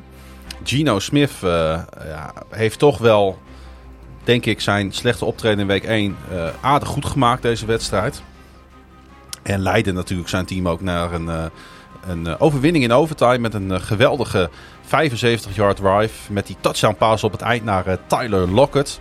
En uiteindelijk dus een 37-31 overwinning van de Seattle Seahawks op de Detroit Lions op een ja, Ford Field. Wat al luidruchtig is, maar volgens mij deze wedstrijd nog eens extra luidruchtig was. Het was echt een helskabal daar. En eh, ja, de Seahawks voorkwamen hiermee natuurlijk een 0-2 start. En toch wel een snelle ommekeer, Pieter, na, het, eh, na die blowout los eh, tegen de Rams in die home opener. Eh, ja, ik moet toch zeggen dat heel veel mensen denk ik toch ook weer Pete Carroll hier onderschatten. Dat hij toch na zo'n nederlaag in week 1 weet hij die koppen weer de goede kant op te krijgen. Weet hij weer het goede gameplan neer te zetten. Meest ervaren coach in de NFL. De oudste coach in de NFL op dit moment. Ja, dit was weer dit was een classic Pete Carroll turnaround. Ja, wat, hè? wat, wat Pete Carroll hier gedaan heeft, dat is... Kijk, ik, Ongelooflijk ik, heb, eh, ik heb de vorige, vorige week heb ik eh, kritiek gehad op eh, Gino Smith. in de zin van, zie je wel, vorig seizoen was een outlier voor hem. Ehm, wat Pete Carroll vorig seizoen, of vorig seizoen, vorige week niet goed deed, wat, wat nu wel eh, van. Ik denk dat, dat Pete Carroll eh, vorige week de, de wedstrijd te veel in de handen van Gino Smith zelf gelegd heeft. Zo van, nou jongen, jij hebt je contract gekregen bij ons en eh, ga maar laten zien waarom jij eh, hier de startende quarterback bent. En dat kan Gino Smith niet, maar eh, en gelukkig heeft Pete Carroll dat eh, zich al heel vroeg in het seizoen beseft. Want die heeft nu eigenlijk heeft hij gewoon een heel strak gameplan neergelegd met plays die precies passen bij waar Gino Smith wel goed in is. Namelijk gewoon game manager. Hij hoeft, hij hoeft die wedstrijd niet te beslissen. Hij moet gewoon die wedstrijd niet verliezen. En dan komt hij vanzelf in een positie dat hij hem wel kan beslissen. Met, nou ja, normaal gesproken relatief simpele eh, concepts. Waar, eh, en uiteindelijk eh, loopt hij zelf trouwens nog die, of be- beslist hij hem echt heel mooi nog. Ja. Maar ik denk het verschil tussen vorige week en deze week is, is dat Pete Carroll, Gino Smith de wedstrijd veel meer liet managen en veel minder de druk op hem legde om hem te winnen voor hem. Ja, hij, had natuurlijk wel een Hij had hem wat meer aan het handje. Dat ben ik met je eens. Smith had natuurlijk wel een grote fout in deze wedstrijd met die sack. Eh, op een gegeven moment voor een los van 17 yards, waar, waarbij die eh, scheidsrechter eh, het tussendoor, hij, het Smith die was het niet eens met de call van de scheidsrechter, ging naar de scheidsrechter toe. En de scheidsrechter zei, hier wordt tegen Amerika gesproken. Met andere woorden van, wil jij je even niet met mij bemoeien? Ik call hier de place. Het was wel een briljant moment. Maar eh, ja, er zat natuurlijk van alles in deze wedstrijd, eh, eh, Pieter. Ook voor de Lions. Want de Lions hebben hier natuurlijk wel weer laten zien dat ze echt een goed competitief team zijn. Met een matige verdediging. Oké. Maar het is wel iedere wedstrijd en iedere week ontzettend leuk om naar te kijken. En de, de Lions gaan denk ik op en af wedstrijden winnen en verliezen op deze manier. Ze gaan een keer aan de goede kant van de streep landen. Ze gaan een keer aan de verkeerde kant van de streep landen. Nou, dit keer was het aan de verkeerde kant van de streep. Maar eigenlijk het verhaal van deze wedstrijd is voor mij echt de ongelofelijke comeback. Want het was, ehm, het was niet slecht wat de Seahawks vorige week lieten zien. Het was bagger wat de Seahawks lieten zien in week 1. En eh, dat zei ik ook hè, over de Bengals. Van, ik denk dat de Ravens gaan winnen. Omdat ik niet denk dat de Bengals in staat zijn om een, die leap van zo slecht zijn kunnen maken in één week. Dat had ik ook een beetje verwacht bij de Seahawks. Volgens mij heb ik ze wel voorspeld als winnaar. Weet ik niet zeker. Je hebt het eh, vast bij de hand. Eh, uiteindelijk ben ik, ben ik voor Detroit gegaan of voor Seattle. Ik weet het niet meer. Eh, wij zijn allebei heel eigenwijs voor Detroit gegaan. Oké. Nou ja, daar heb ik nu spijt van. Want ook hier hebben we dus Mr. Carroll hebben we onderschat. Waar, waar, waar jij net de kudo's gaf aan Tampa Bay, wil ik ze graag hier aan Seattle geven. Want het was echt een hele Ja. knappe overtime overwinning in, in een omgeving bij one of the hottest teams in de, in de league. In een uitverkocht eh, Ford Field.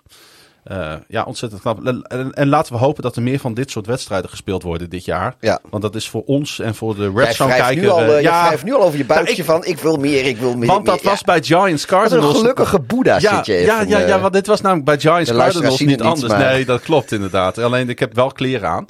Eh, gelukkig ja, voor, dat, voor dat, jou. dat vertellen we gewoon dat dat zo is. Maar dit, Niemand weet hoe wij opnemen. dit was natuurlijk eh, bij eh, eh, de wedstrijd tussen de, tussen de Giants en de Cardinals niet anders, Pieter. Ehm, oh ja, ik wilde nog even zeggen, David Montgomery is day-to-day. Het lijkt uiteindelijk niet zo ernstig te zijn als dat het leek toen hij daar het veld af moest in Detroit. Want ja, wij, wij vinden dat natuurlijk een sympathieke... En nu jouw team van de week. Oh, mijn team van de week. Oh ja, sorry, daar gaan we heen. De New York Giants. De Football Giants zelfs. Goed trouwens dat je het nog eens zei van Monty. Want het was wel naar dat hij uitviel natuurlijk. Eh, ja, de New York Football Giants. eh, want wat was dit nou weer voor wedstrijd dan?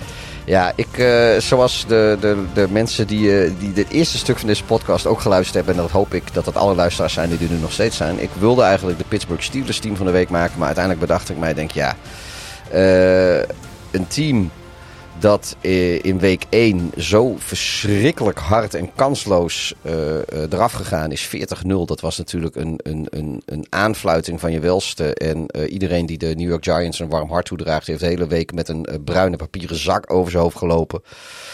Ehm, dan komen die Giants in week 2 al het team tegen waarvan iedereen zegt van nou, die, dat, dat wordt dit seizoen het slechtste team. Eh, de Arizona Cardinals gaan tanken. Die, eh, dat, dat wordt gewoon eh, een puinhoop. En bij- en bij rust sta je 20-0 achter. Nou ja, je dus, Je staat eigenlijk 60-0 achter. dus dat betekent dat je in zes kwarten eh 60 Juist. punten tegen hebt gekregen en een nul hebt gescoord. En ja, die, die papieren, bruin papieren zakken die de Giants fans over en over, dat werden ondertussen werden dat complete jutezakken eh, waar ze zichzelf in wilden stoppen. En ook meteen bij het oud, vuil- uit, oud vuil wilden zetten. En dan toch komen ze gewoon in dat derde en dat vierde kwart. eh, klappen ze er gewoon even vier, eh, eh, vier touchdowns op. En ze, en ze komen terug en ze, en ze verslaan die, die, die Cardinals. En 31-28, Frank, benoemen weer eens even een uitslag voor de tweede keer deze uitzending. En ik heb wel uitslagen genoemd. niet hoor. allemaal. Nou, weet je wat toffe is? Nee, eh, maar eh, ja, dus de Giants comeback? verdienen echt gewoon, eh, ja, toch wel respect voor de, voor, eh, ik zijn nog steeds geen goed team, denk ik hoor. En dat ze überhaupt in die positie zijn gekomen is niet best, maar de manier Nee. waarop ze eruit gekropen zijn in, in een half uurtje voetbal, waarin ze dus 90 minuten eh, ellende even achter zich gelaten hebben, dat, dat, verdient een. Maar ze hebben het eerder gedaan tegen de Cardinals. Want volgens Stathead hebben de Giants sinds 30 oktober 1949 eh, eh, geen achterstand meer van 21 punten goed gemaakt. Maar toen ze dat wel deden in 1949 was het tegen de Cardinals. Ik, eh, ik De geloof... Chicago Cardinals. Ja, de. Chicago Card- Ik geloof ook dat de allergrootste, of een van de grootste comebacks van de Bears was ook tegen de Cardinals. Ja. Dat was die Joe, Joe Green game van We thought who they thought they are. Of they were Maar dit is wel slecht nieuws voor de Cardinals, Pieter. Want eh, eh, eh, eigenlijk was voor ons de grote vraag of de Cardinals, zeker zonder Carla Murray, wi- overwinningen bij elkaar zouden kunnen schrapen. En na een, ik zou bijna zeggen, glansloos verlies in week 1, eh, ehm, eh, speelden ze nu een bijna perfecte eerste helft. Hè, 28-7 voorsprong, halverwege derde kwart zelfs. En toen veranderde inderdaad alles, want ehm, eh, ik had gewoon het idee dat de Cardinals op waren. Ja. Gek genoeg. Ik heb nog nooit zoiets gezien dat een team wat zo ver voor stond opeens eh, eh, ehm, het, het, ja, de, wiel, wielrenbenen kreeg. Als je verzuurde benen kreeg. Ik had echt het idee dat het ook aan fitheid lag. En Daniel Jones die begon opeens darts over dat veld te gooien. Alsof hij Tom Brady in zijn beste jaren was. En inderdaad, eh, een, geweldige, eh, een geweldige comeback van eh, de New York Giants. Ik moet wel zeggen, kijk, het feit dat die Cardinals met relatief gemak eh, 28 punten op het bord zetten.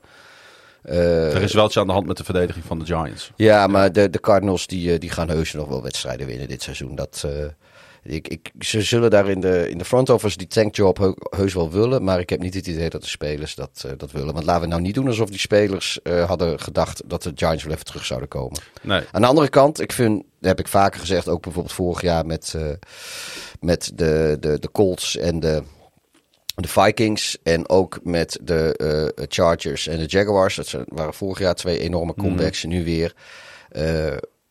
Giants zijn mijn team van de week. Ik geef ze alle kudos voor die comeback. Maar het, eh, als je zo ver voor staat en je laat het team terugkomen, dan is het vooral, vooral je eigen schuld. Je, het is, je moet gewoon ook in die tweede helft moet je er meer dan, dan acht puntjes op bord kunnen zetten. En als Ja. je er nog eh, drie bij maakt, dan, dan zakt het moed ook een beetje wel in de schoenen misschien bij de Giants. En als je nog een touchdown eroverheen maakt, is het helemaal klaar. Dan kunnen ze niet eens meer terugkomen. Het net over Monty, maar ook in deze wedstrijd ging de running back eh, het veld af van het bezoekende team. Saquon Barkley. Die eh, moest van het veld worden geholpen eh, met, ik dacht, nog maar één minuut op de klok of zo. Echt aan het eind van de wedstrijd. Eh, hij kon geen enkel gewicht meer op zijn eh, rechterbeen eh, zetten. Eh, ja, dat is wel weer... Dit past nu zich, al eh, binnen het seizoen van de Giants. hè? Hij, heeft, eh, hij voelt zich al een stuk beter eh trouwens. heb ik En gehoord, eh, ja. de, ze, ze, ze, de kans dat hij... Want ze moeten natuurlijk Thursday night alweer. Ja. Onze vrienden uit New York. Eh, de kans dat, eh, dat hij beschikbaar is voor die wedstrijd. Misschien is het op een snapcount. eh want ze spelen in San Francisco bij de 49ers. Eh, de kans dat hij daar gewoon aan de zijlijn staat is wel vrij, vrij, tot, tot, vrij groot tot groot. Bedankt voor je bruggetje, want dat is de volgende wedstrijd. En ook de één na laatste wedstrijd alweer. we gaan er rap doorheen nu. De 49ers at de LA Rams. Of moet ik zeggen de Rams at de 49ers. Want eh, we weten dat de 49ers fans famous for traveling zijn. En overal door Amerika wonen. Ja, Maar zeker, dit was- zeker naar... eh, als ze tegen de Chargers of de Rams moeten natuurlijk. Ja, dat is voor hun en om de zeker- hoek. en zeker in dat- dit stadion. En dat stadion is toch eh, Maar dit was... leeg. ja, dit, dit, dit kan toch niet? Nou ja, we, we zagen het vorig jaar ook. Zijn ze er wel, Chargers. hebben de Rams wel fans? Jawel. Maar Het was een rode zee, hè? ja, dat klopt. Maar het, is, het valt natuurlijk ook altijd enorm op als je, door, de, door die kleur natuurlijk. Mhm. Eh, dat maakt het wel extra, extra zichtbaar. Eh, maar ja, dat, dat, dat, de, dat de hele Bay Area, zeg maar, een volksverhuizing eh, naar, naar LA doet als de, als de, de Niners daar spelen, dat is ondertussen ja, gegeven. En dat, dat de oplettende luisteraar had het in de intro kunnen horen, want dat was natuurlijk George Kittle die daar even commentaar op gaf. Ehm, Ja, die vond het ook mooi. Ja. Hey, ehm, de Los Angeles Rams maken eh, indruk op mij. Ze waren niet voor niks mijn team van de week in de week 1 aflevering. En eh, eh, met name receiver Puka Nakua. Een Die mooie naam is dat, hè? brak gewoon twee records voor, tegen de 49ers. Eh, een NFL-record voor meeste catches in de eerste twee wedstrijden van een speler. En ehm, Weet je dat Puka Nakua, dat, eh, dat ik die bijna eh, mijn speler van de week, of beat-up van de week vorige week heb Ja. willen maken? ja, dat weet we- ik. We hebben het nog even over over gehad, gehad, ja. Maar wel echt ontzettend, eh, echt ontzettend gaaf dat daar nu mensen opstaan bij die Rams. Die gewoon dit team aan het dragen zijn. Want ja, wij hadden de Rams ook niet zo hoog ingeschaald. Nee, en maar deze ze maken al twee weken op. Want zij hebben, het, zij hebben het toch, de 49ers, echt het vuur aan de Ja, schenen dit, gelegd. dit, was, eh. eh, dit was een. eh, ja, ik denk dat, dat de, de, de, de Niners. dat die verwacht hadden dat ze het veel, veel makkelijker zouden hebben. ja, Ik vind Tutu Atwell vind ik trouwens ook een geweldige naam. Tutu. Voor die is die andere receiver. ja de Tutu. Atwell. Dus die, eh, eh, ja, het is inderdaad receiver, ja. Ja. Ja, hij kan ook een balletje rennen trouwens. Maar eh, ja, geweldige, geweldige pot. Eh, Matthew Stafford bleef maar gooien. Eh, die bleef het maar proberen. Hij was 34 uit 55 met twee intercepties. Eh, had ook niet zo'n hele goede rating. Brock Purdy speelde eigenlijk veel rustiger, veel beheerster. Eh, kon natuurlijk ook weer terugvallen op Christian McCaffrey... die gewoon 116 yards en een touchdown Ja. neerzet. Die Maar, was maar Stafford is zijn ook gewoon een gunslinger. Hè? Die weet je, ik wil, ik wil Stafford ook Ja. niet zien, zo, zo zien spelen. Zoals eh, Purdy. eh, of maar bijvoorbeeld ook Gino Smith wel speelt. Dat wil ik van Stafford niet zien. Nee. Stafford, daar wil ik gewoon. Maar de 49ers Fuck it, chug it. Dat is Stafford winnen voor deze mij. wedstrijd wel omdat ze uitgebalanceerder zijn. Ja, ja, ja. Hè, dat, maar als je niet tegen de 49ers speelt... Kijk, die wedstrijd van volgende week... Ja, ik blijf erop terugkomen.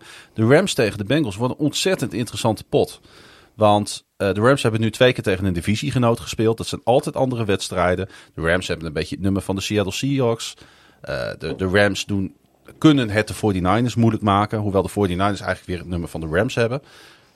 Dus die wedstrijd, die week drie wedstrijd eh, tegen de Bengals, die gaat ons wel veel vertellen over deze Rams. ja. Waar, staan, waar staat dit team van Sean McVay nou echt? En, Waar, staan de, waar staan de Bengals? en waar staan de Bengals? Ik, ik- een een, een 1-1 team tegen een 0-2 team. Het is voor mij de wedstrijd van de week. En het is een affiche eh, die we natuurlijk niet heel vaak zien, hè, de Rams tegen de Bengals. Dus dat vind ik ja, dat is ook leuk. mooie, mooie pot. Maar eh, ja, de, de Rams hebben ons ook hier weer een geweldige eh, avond eh, bezorgd. Ja. Ja, was ook echt was zo'n En de wedstrijd. 49ers ook hoor. Ja, nee, het was een leuke wedstrijd. Want het is natuurlijk niet zo dat de 49ers hier, eh, hier, hier met de pet naar gegooid Nee, nee, nee. Maar hè? kijk, het, het lijkt nou net alsof we heel gemakzuchtig over... Of dat we eigenlijk niet over de Niners willen praten. Jawel. Maar, maar het punt is natuurlijk dat de Niners eh eh voorafgaand aan het seizoen... en ook tijdens het seizoen, ook al is het nog jong... altijd huishoog favoriet waren. Dus Ja. dat die winnen is niet zo bijzonder. De, de, de, de strijd en de, de, hoe close de Rams het gehouden hebben... dat, dat is eh, noemenswaardiger dan het feit dat, de 49ers weer gewoon goed zijn. Ja, het is, ik denk dat de Cowboys even heel goed moeten kijken hoe de Rams dit hebben aangepakt. Ja. Eh, want, eh, en dan met name in aanvallend opzicht was het heel interessant hoe, hoe de Rams dit, dit benaderden. En wat Matthew Stafford kan, dat kan Dak Prescott natuurlijk ook. Ja. hey, we moeten even terug naar de eerste wedstrijd die deze Ja, week de, de, de Day Night, de laatste wedstrijd inderdaad die wij bespreken, was de eerste wedstrijd van het... eh, ik heb de, bewust heb ik hem op het eind gezet, omdat ja, het is dan alweer zo lang geleden dat ik dan iets minder de moeite waard vind om daar diep op in te gaan. Eh, maar de Vikings, Pieter, staan ondertussen wel op 0-2. Ja, sterker nog, eh, de hele NFC Noord heeft verloren deze speelronde. Ja, ja, ja. Dat is Wat, een- wat trouwens dus ook meteen betekent dat als de Bears wel winnen van de Chiefs, dat ze weer volop meedraaien. eh, ja. Dus ik bedoel, ja, ze hebben eh, maximaal één... eh, ja, ik heb de Bears voorspeld als winnaar. En ik, ik ga niet nu al vooruitlopen op de extra aflevering. Maar het zou zomaar eens kunnen dat ik de Bears weer ga voorspellen als winnaar. Want Wacht, ja, dat, dat, dat, dat, Nee. doen, dat, nee, maar dat doen we in de volgende aflevering. Want Ja. we, we hebben nog maar heel kort tijd. En we moeten eigenlijk over deze wedstrijd nog even. Maar ja, dat eh ja, bananenschilletje misschien voor de Chiefs. Ja, ja, maar ik, ja, goed. Ja, dat kan ook aan de Chiefs liggen. Hey, de, de, de Eagles, ehm, eh, ondanks dat ze het best wel twee keer heel lastig hebben gehad, het draait daar nog niet helemaal eh, zoals het zou moeten draaien. Maar dat is minder erg als je 2-0 staat. Nee, precies. Er zijn veel meer grote teams, eh, vorige week ook al gezegd, wat, waar die stroef van start zijn gegaan. Eh, eh, de Chiefs hebben al een wedstrijd laten liggen. De Bills hebben al een wedstrijd laten liggen. De Bengals hebben al twee wedstrijden laten liggen. De Eagles daarentegen, die zijn ook misschien niet zo stroef als die andere teams, maar die zijn toch een beetje roestig van start gegaan. Ja. En uit bij de Patriots maar- en tegen de Vikings is niet de makkelijkste competitiestart. Nee, dat klopt. Eh, en, en ja, ze doen gewoon wat ze moeten doen. Ze winnen dus. eh, en ze zullen, neem ik aan, gaandeweg het seizoen zal de roester wel een beetje afgeklopt worden. En dan eh, gaat het vast weer soepel lopen. Er zit bij Hurts ook wel wat roest hoor. Heb je die, ik weet niet, die interceptie die hij in double coverage gooide. Eh, ik denk een van zijn slechtste passes die hij ooit in de NFL heeft gegooid. Daar werd hij, werd, hij, werd hij gepikt. Dat, dat zag er niet goed uit. Dus Ja, we, we, we hebben het heel vaak over primetime Kirk. eh, maar objectief gezien, de, de cijfers ondersteunen het trouwens ook. Maar Cousins speelde wel beter dan Hurts. Ja, en eh, uiteindelijk haalt eh, de, Eagles dan toch die, die, die tweede overwinning eh, binnen. Ehm, wat zegt dat dan over een team? Nou, dat eh, Philadelphia gewoon eh, op eigenlijk zo'n beetje ieder... Philadelphia is gewoon een veel beter team. Veel meer talent, veel, veel beter uitgebalanceerd. Uiteindelijk ook minder sloppy, denk ik, dan de Eh, ja, Vikings. eh, en ze kunnen op meer ervaring bogen. Eh, nee, ik... ehm, Ik vind wel dat de Vikings er alles aan gedaan hebben deze wedstrijd. Ze hebben, ze hebben hem geblitst, ze hebben hem gepressured vanaf het begin. waardoor, eh, hij, hè, waardoor Hurts echt moeite had om deze wedstrijd open te breken. Ja. Het stond ook pas 0-3 na één kwart. En eigenlijk na rust, toen de pijp een beetje leeg aan het raken was bij de Vikings, toen sloeg hij toe. ja, en je hebt natuurlijk, weet je, kijk, de, de running game van de Vikings is eh, zo goed als non-existent. Ja, dat is wel een probleem. Eh, de Eagles die, eh, die, die walsen over de grond, helemaal over de, over de Vikings heen. Die hebben ze helemaal de moeder gerend. Dus dat, dat is.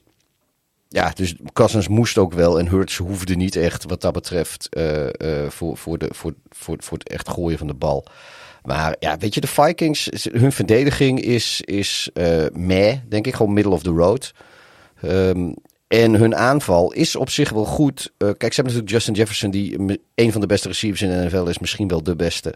Hawkinson is een hele uitstekende tight end. Maar als je die twee wapens eh, een beetje uit de wedstrijd zou proberen te nemen, of, of het daar wat lastiger maakt voor Cousins om daarvan van gebruik te maken. De Vikings ja, hebben, al gaat je zes, niet- hebben al zes fumbles verloren dit Ja, het gaat je niet de hele wedstrijd lukken, maar eh, eh, dan, dan maak je het gewoon al veel lastiger. Want eh, daarachter is het gewoon niet, niet heel veel. Om toch die statistiek er even bij te halen, want je had het daarover aan het eind van deze aflevering. Is jouw team nou 0-2? Eh, als je nu luistert, moet je je dan zorgen maken? Ja, statistisch gezien moet je je zeker zorgen maken, want sinds 1990 zijn 270 teams het seizoen 0-2 begonnen. En slechts 31 daarvan hebben uiteindelijk het tot ja, dat zeg ik. Dat is eh, een grofweg 10% Ja, 11,5 procent ja, is dat. ja, eh, nee, je ja. zat eh, absoluut in de buurt. Ehm, dus ja, eh 0-2 starten is wel een probleem. Maar kijk, als we, als we nu kijken naar de teams die 0-2 gestart zijn. Ja. Kijk, er zitten een hele partij knakenteams zitten daartussen. En eh, er zijn maar een heel weinig teams die goed zijn. Of die dit seizoen nog echt goed gaan zijn waarschijnlijk. De Bengals eh, is, is die 0-2 gestart zijn. Kijk, de, de kans dat de Bengals de playoffs halen is niet 10%. Nee. Maar hun kansen zijn wel aan het slinken al. Hun kansen zijn wel aan het slinken. Maar, maar nogmaals, de slechte teams starten 0-2. Goede teams niet. De kans dat een slecht team de play-offs haalt is gewoon heel klein. Maar als een goed team 0-2 start, kunnen ze nog steeds eh, de, de play-offs halen. Dus, en wat de Vikings dan zijn, want die zijn natuurlijk ook 0-2 gestart. Dat, eh, dat, hoe die vallen in dat rijtje. Nou, ik denk dat de Vikings niet een heel goed team zijn. Het zullen ook niet een heel slecht team Maar zijn. die hebben dan weer mazzel met hun divisie waar nog, Ieder- nog niemand op 2-0 staat. Nee, je hebt eh, twee teams. één Kijk, en de, teams Bengals 0-2. hebben de 2-0 Ravens nu voor hun. De Vikings hebben alleen maar 1-1 teams voor hun staan. en een 0-2 team onder hun.